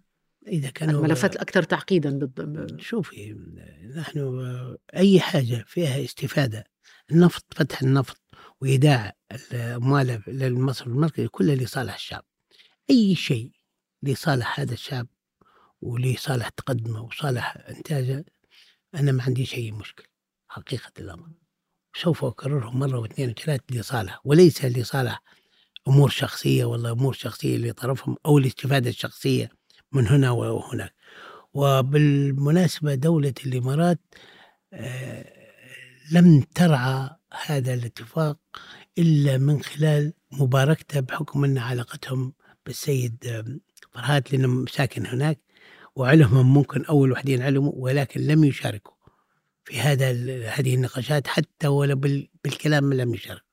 باش ما نظلموش خودنا هم رحبوا بالاتفاق وشجعوا ودعموا ونحن فرحانين بهذا الدعم. طيب المصرف المركزي علاقة الحكومة به كيف تراها؟ يقال هناك خلاف حاد بينكما.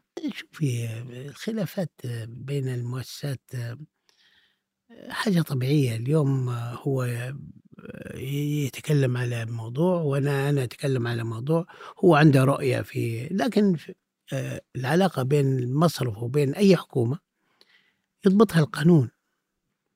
مش على هوانا إحنا.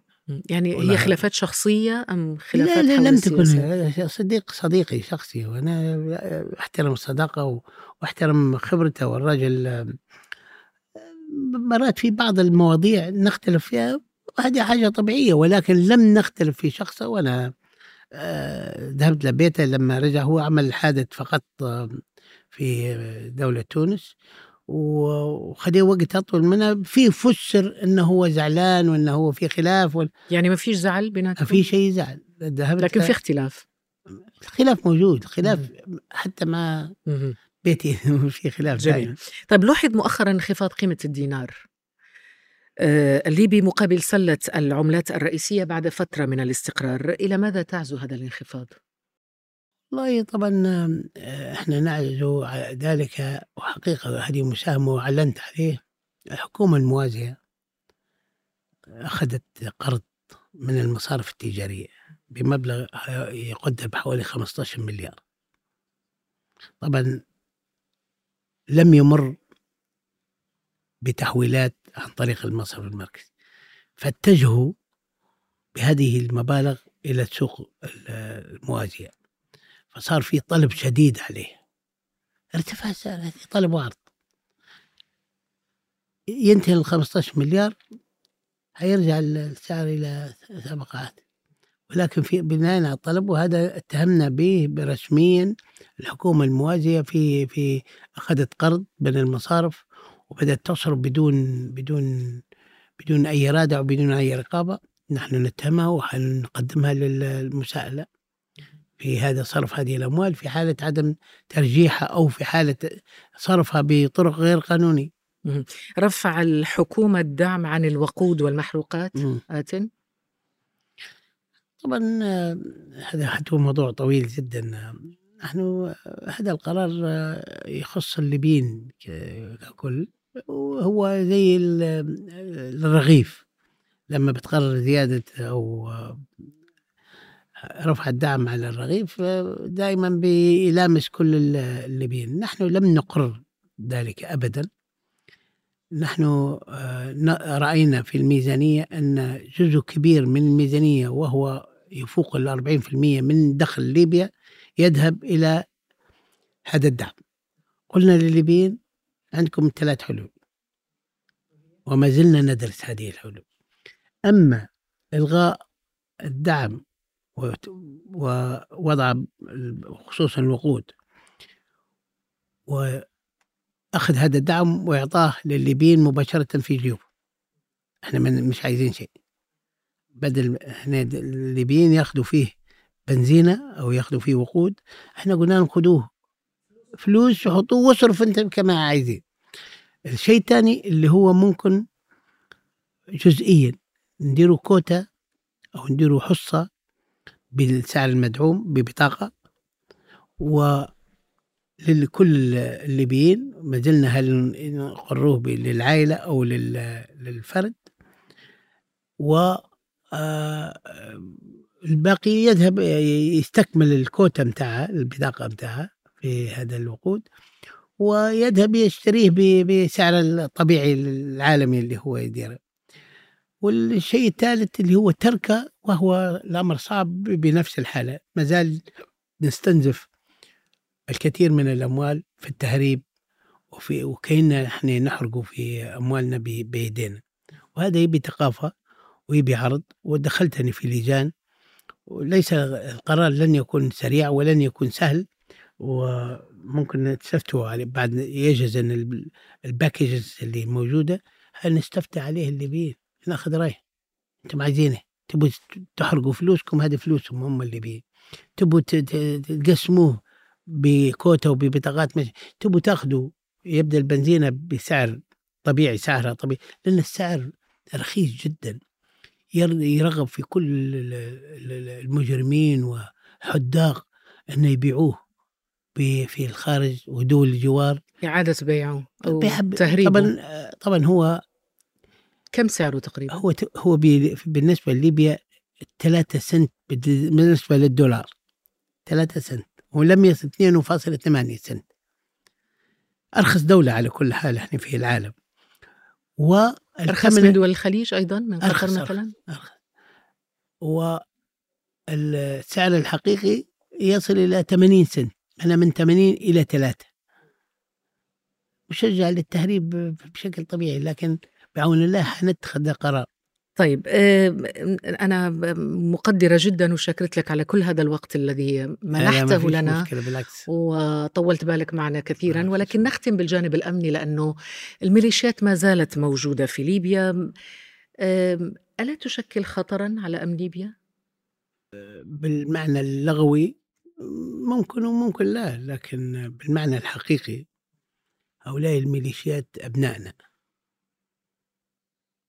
وأبنائنا اللي هم فلذات أكبادنا واللي دخلوا في الشوارع ودافعوا على أعراضنا ودافعوا على مقدساتنا ودافعوا على شوارعنا من الغازي ومن ال... الذي يريد تخريب هذا البلد لكن انتهى ذلك الزمن نعم. والحاجة إلى هؤلاء طبعا انتهت. انتشار السلاح انتشر بشكل عشوائي من خلال حتى نشر السلاح من الطرف اللي في 2011 نشر السلاح في الشوارع. ولا تلوم آه، أي شخص يقتني السلاح اليوم. ولكن اليوم سنتين هذه القوات نسبيا دخلت في المجال العسكري والمجال الأمني. وبدأت تتدرب على هذا السلاح. وتدرب على التعامل مع المواطن في الشرطة وفي الجيش. لابد يرافقها هذه المرحلة بعض الاختراقات من هنا وهناك. نحن صبورون على أبنائنا ولا يمكن تخلي عليه وين بنعدي بهم؟ لكن في نفس الوقت لا يمكن بناء دولة مدنية قوية بوجود ليش؟ مسلحين وميليشيات لا مسلحة. مش ميليشيات. هم يقولون إن هم مع الميليشيات لكن تو أنا أدعوك لحضور حفلات التخرج والتدريب الذين الميليشيات يقومون بها لا تريد تفرقتهم بينهم وبين أي في هذه الحالة هل نسميهم ميليشيات؟ لا يمكن أن طبعا هم يقولون ميليشيات هم في الأساس بنوا على أساس ميليشياوي ولكن اليوم جزء مهم من أمن ليبيا هم يح- يحمون الحدود تو اليوم اليوم هؤلاء الميليشيات التي يقولون عليها ميليشيات يحمون الحدود ال- الليبية في لكن لماذا لا يعملون تحت مظلة رسمية تحت مظلة؟ رسمية. نحن نقودهم نوجههم يحترموا في أوامرنا وتبع الجيش الليبي وتبع رئاسة الأركان ويستمعون للقائد الأعلى ووزير الدفاع. ومن يقول أن هذه قوات منفلتة فهو يحلم بال, بال في السابق. سابق كانت فيه هذه المشاكل ولكن تجاوزنا هذه الخطوط. لكن التسمية قد تبدو سلبية لأنه لما, ما لما تتحدث مثلا عن الحشد الشعبي أصبح منضوي تحت الجيش العراقي بشكل رسمي. نعم. الآن عندما نتحدث عن جماعات مسلحة ونسميها ميليشيات فقد يكون ال ال دلالة هذا ال- هذا المصطلح نفسه سلبية. لا أعرف من آه، آه، قال لك إن هؤلاء نطلق عليهم نحن نطلق عليهم بأساميهم برتبهم بكتائبهم بألويتهم. نحن لا نطلق ميليشيات عنهم. آه، هذا هذا هذا هذه التهم. آه، من آه، يقولوا إحنا كفيليبيين بالدردشة يقولوا اللي يكرهك يحلم لك الحلمه الشينة. حتى هم اللي يكرهك هذا يطلقوا عليك كل النعوت وكل مهما تنجح وهم يفكرون إن هم ميليشيات. لا لا هم أبنائنا وتغيروا وتدربوا ودخلوا في المؤسسة. من منهم؟ في منهم مجرمين. تكونوا مجرمين. اليوم نقبض عليهم كل يوم. هؤلاء المجرمين المهربين. من أبناء كانوا معهم. لكن خفت الحديث عن إخراج مثلا القوات الأجنبية والمرتزقة وغير ذلك؟ هذا مبدأ أساسي في حياتنا إحنا. لا يمكن القبول بأي قوة تكون خارج نطاق القانون. نحن نرحب بمن يدربنا من اتفاقات تسليح الجيش الليبي اتفاقات رسمية آه، بشكل أو بآخر آه، يد- يدعم الداخلية يدعم كذا.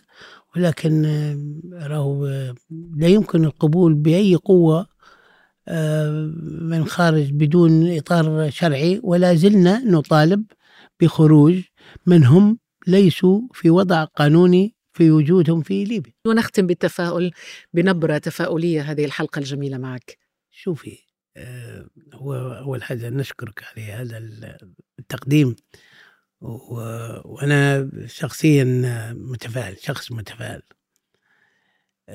هو التفاؤل آه، ما يأتيش بال- بالتمني هو يأتي بالعمل وبال آه، وبالجد وبالاجتهاد.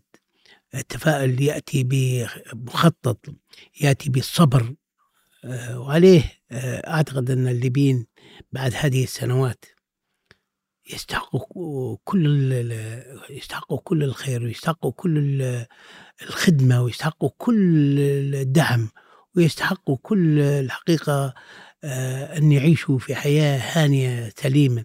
نتمنى من كل الأطراف السياسية حقيقة وأنا أحدها وأقول لنفسي وأقول لكل الأطراف السياسية لنذهب مثلنا مثل أي دولة تانية والدول اللي عاشت واللي طورت بدها الدول كيف الهند والباكستان قاعدة في إطارها الديمقراطي اللي جربوه الدول كلها لنذهب إلى مرحلة ديمقراطية نختار فيها من يقودنا. أنت متفائل أنه ممكن يحدث هذا في أنا أنا نشوف الشعب الليبي الشعب الليبي ككل ما عدا الشواد منه ونتمنى من الله سبحانه وتعالى أن لا يعود بالليبيا إلى الحروب والقتل والدمار والخلاف. هذا منبوذ وإحنا الحمد لله محظوظين أن في وقت اللي جينا فيه وقفت كل هذه الحروب وقف كل القتال وهذا حقيقة راه لا يقدر بالثمن ولكن أنا اللي بنقول اللي مش متحملين الآخر عليهم قراءة التاريخ. أنا لابد أن أستوعب الآخر وأتحمل الآخر. في اللي ما عندناش ثقافة أن نتعاملوا مع الآخر. لا نتعامل مع الآخر ونعطيه فرصة كيف كيف. لا يمكن لشخص أو فئة أن تقول كلمة وهي فقط. لا الشعب الليبي هذا متنوع بجميع طوائفه بجميع قبائله. وأنا أحيي الليبيين كافة من هذا المنبر وأقول لهم آه، ليبيا بخيراتها بشعبها والله هذا الظلم وهذا الاستعباد والحق لا يمكن إلا أن يغلب الباطل. الباطل ذهب في مسار ولا يمكن أن يختلط الحق بالباطل. صبر جميل. جميل. إذا على. هذا المصطلح الجميل دنجا نفترق. شكرا لكم. أطيب المنى وإلى اللقاء.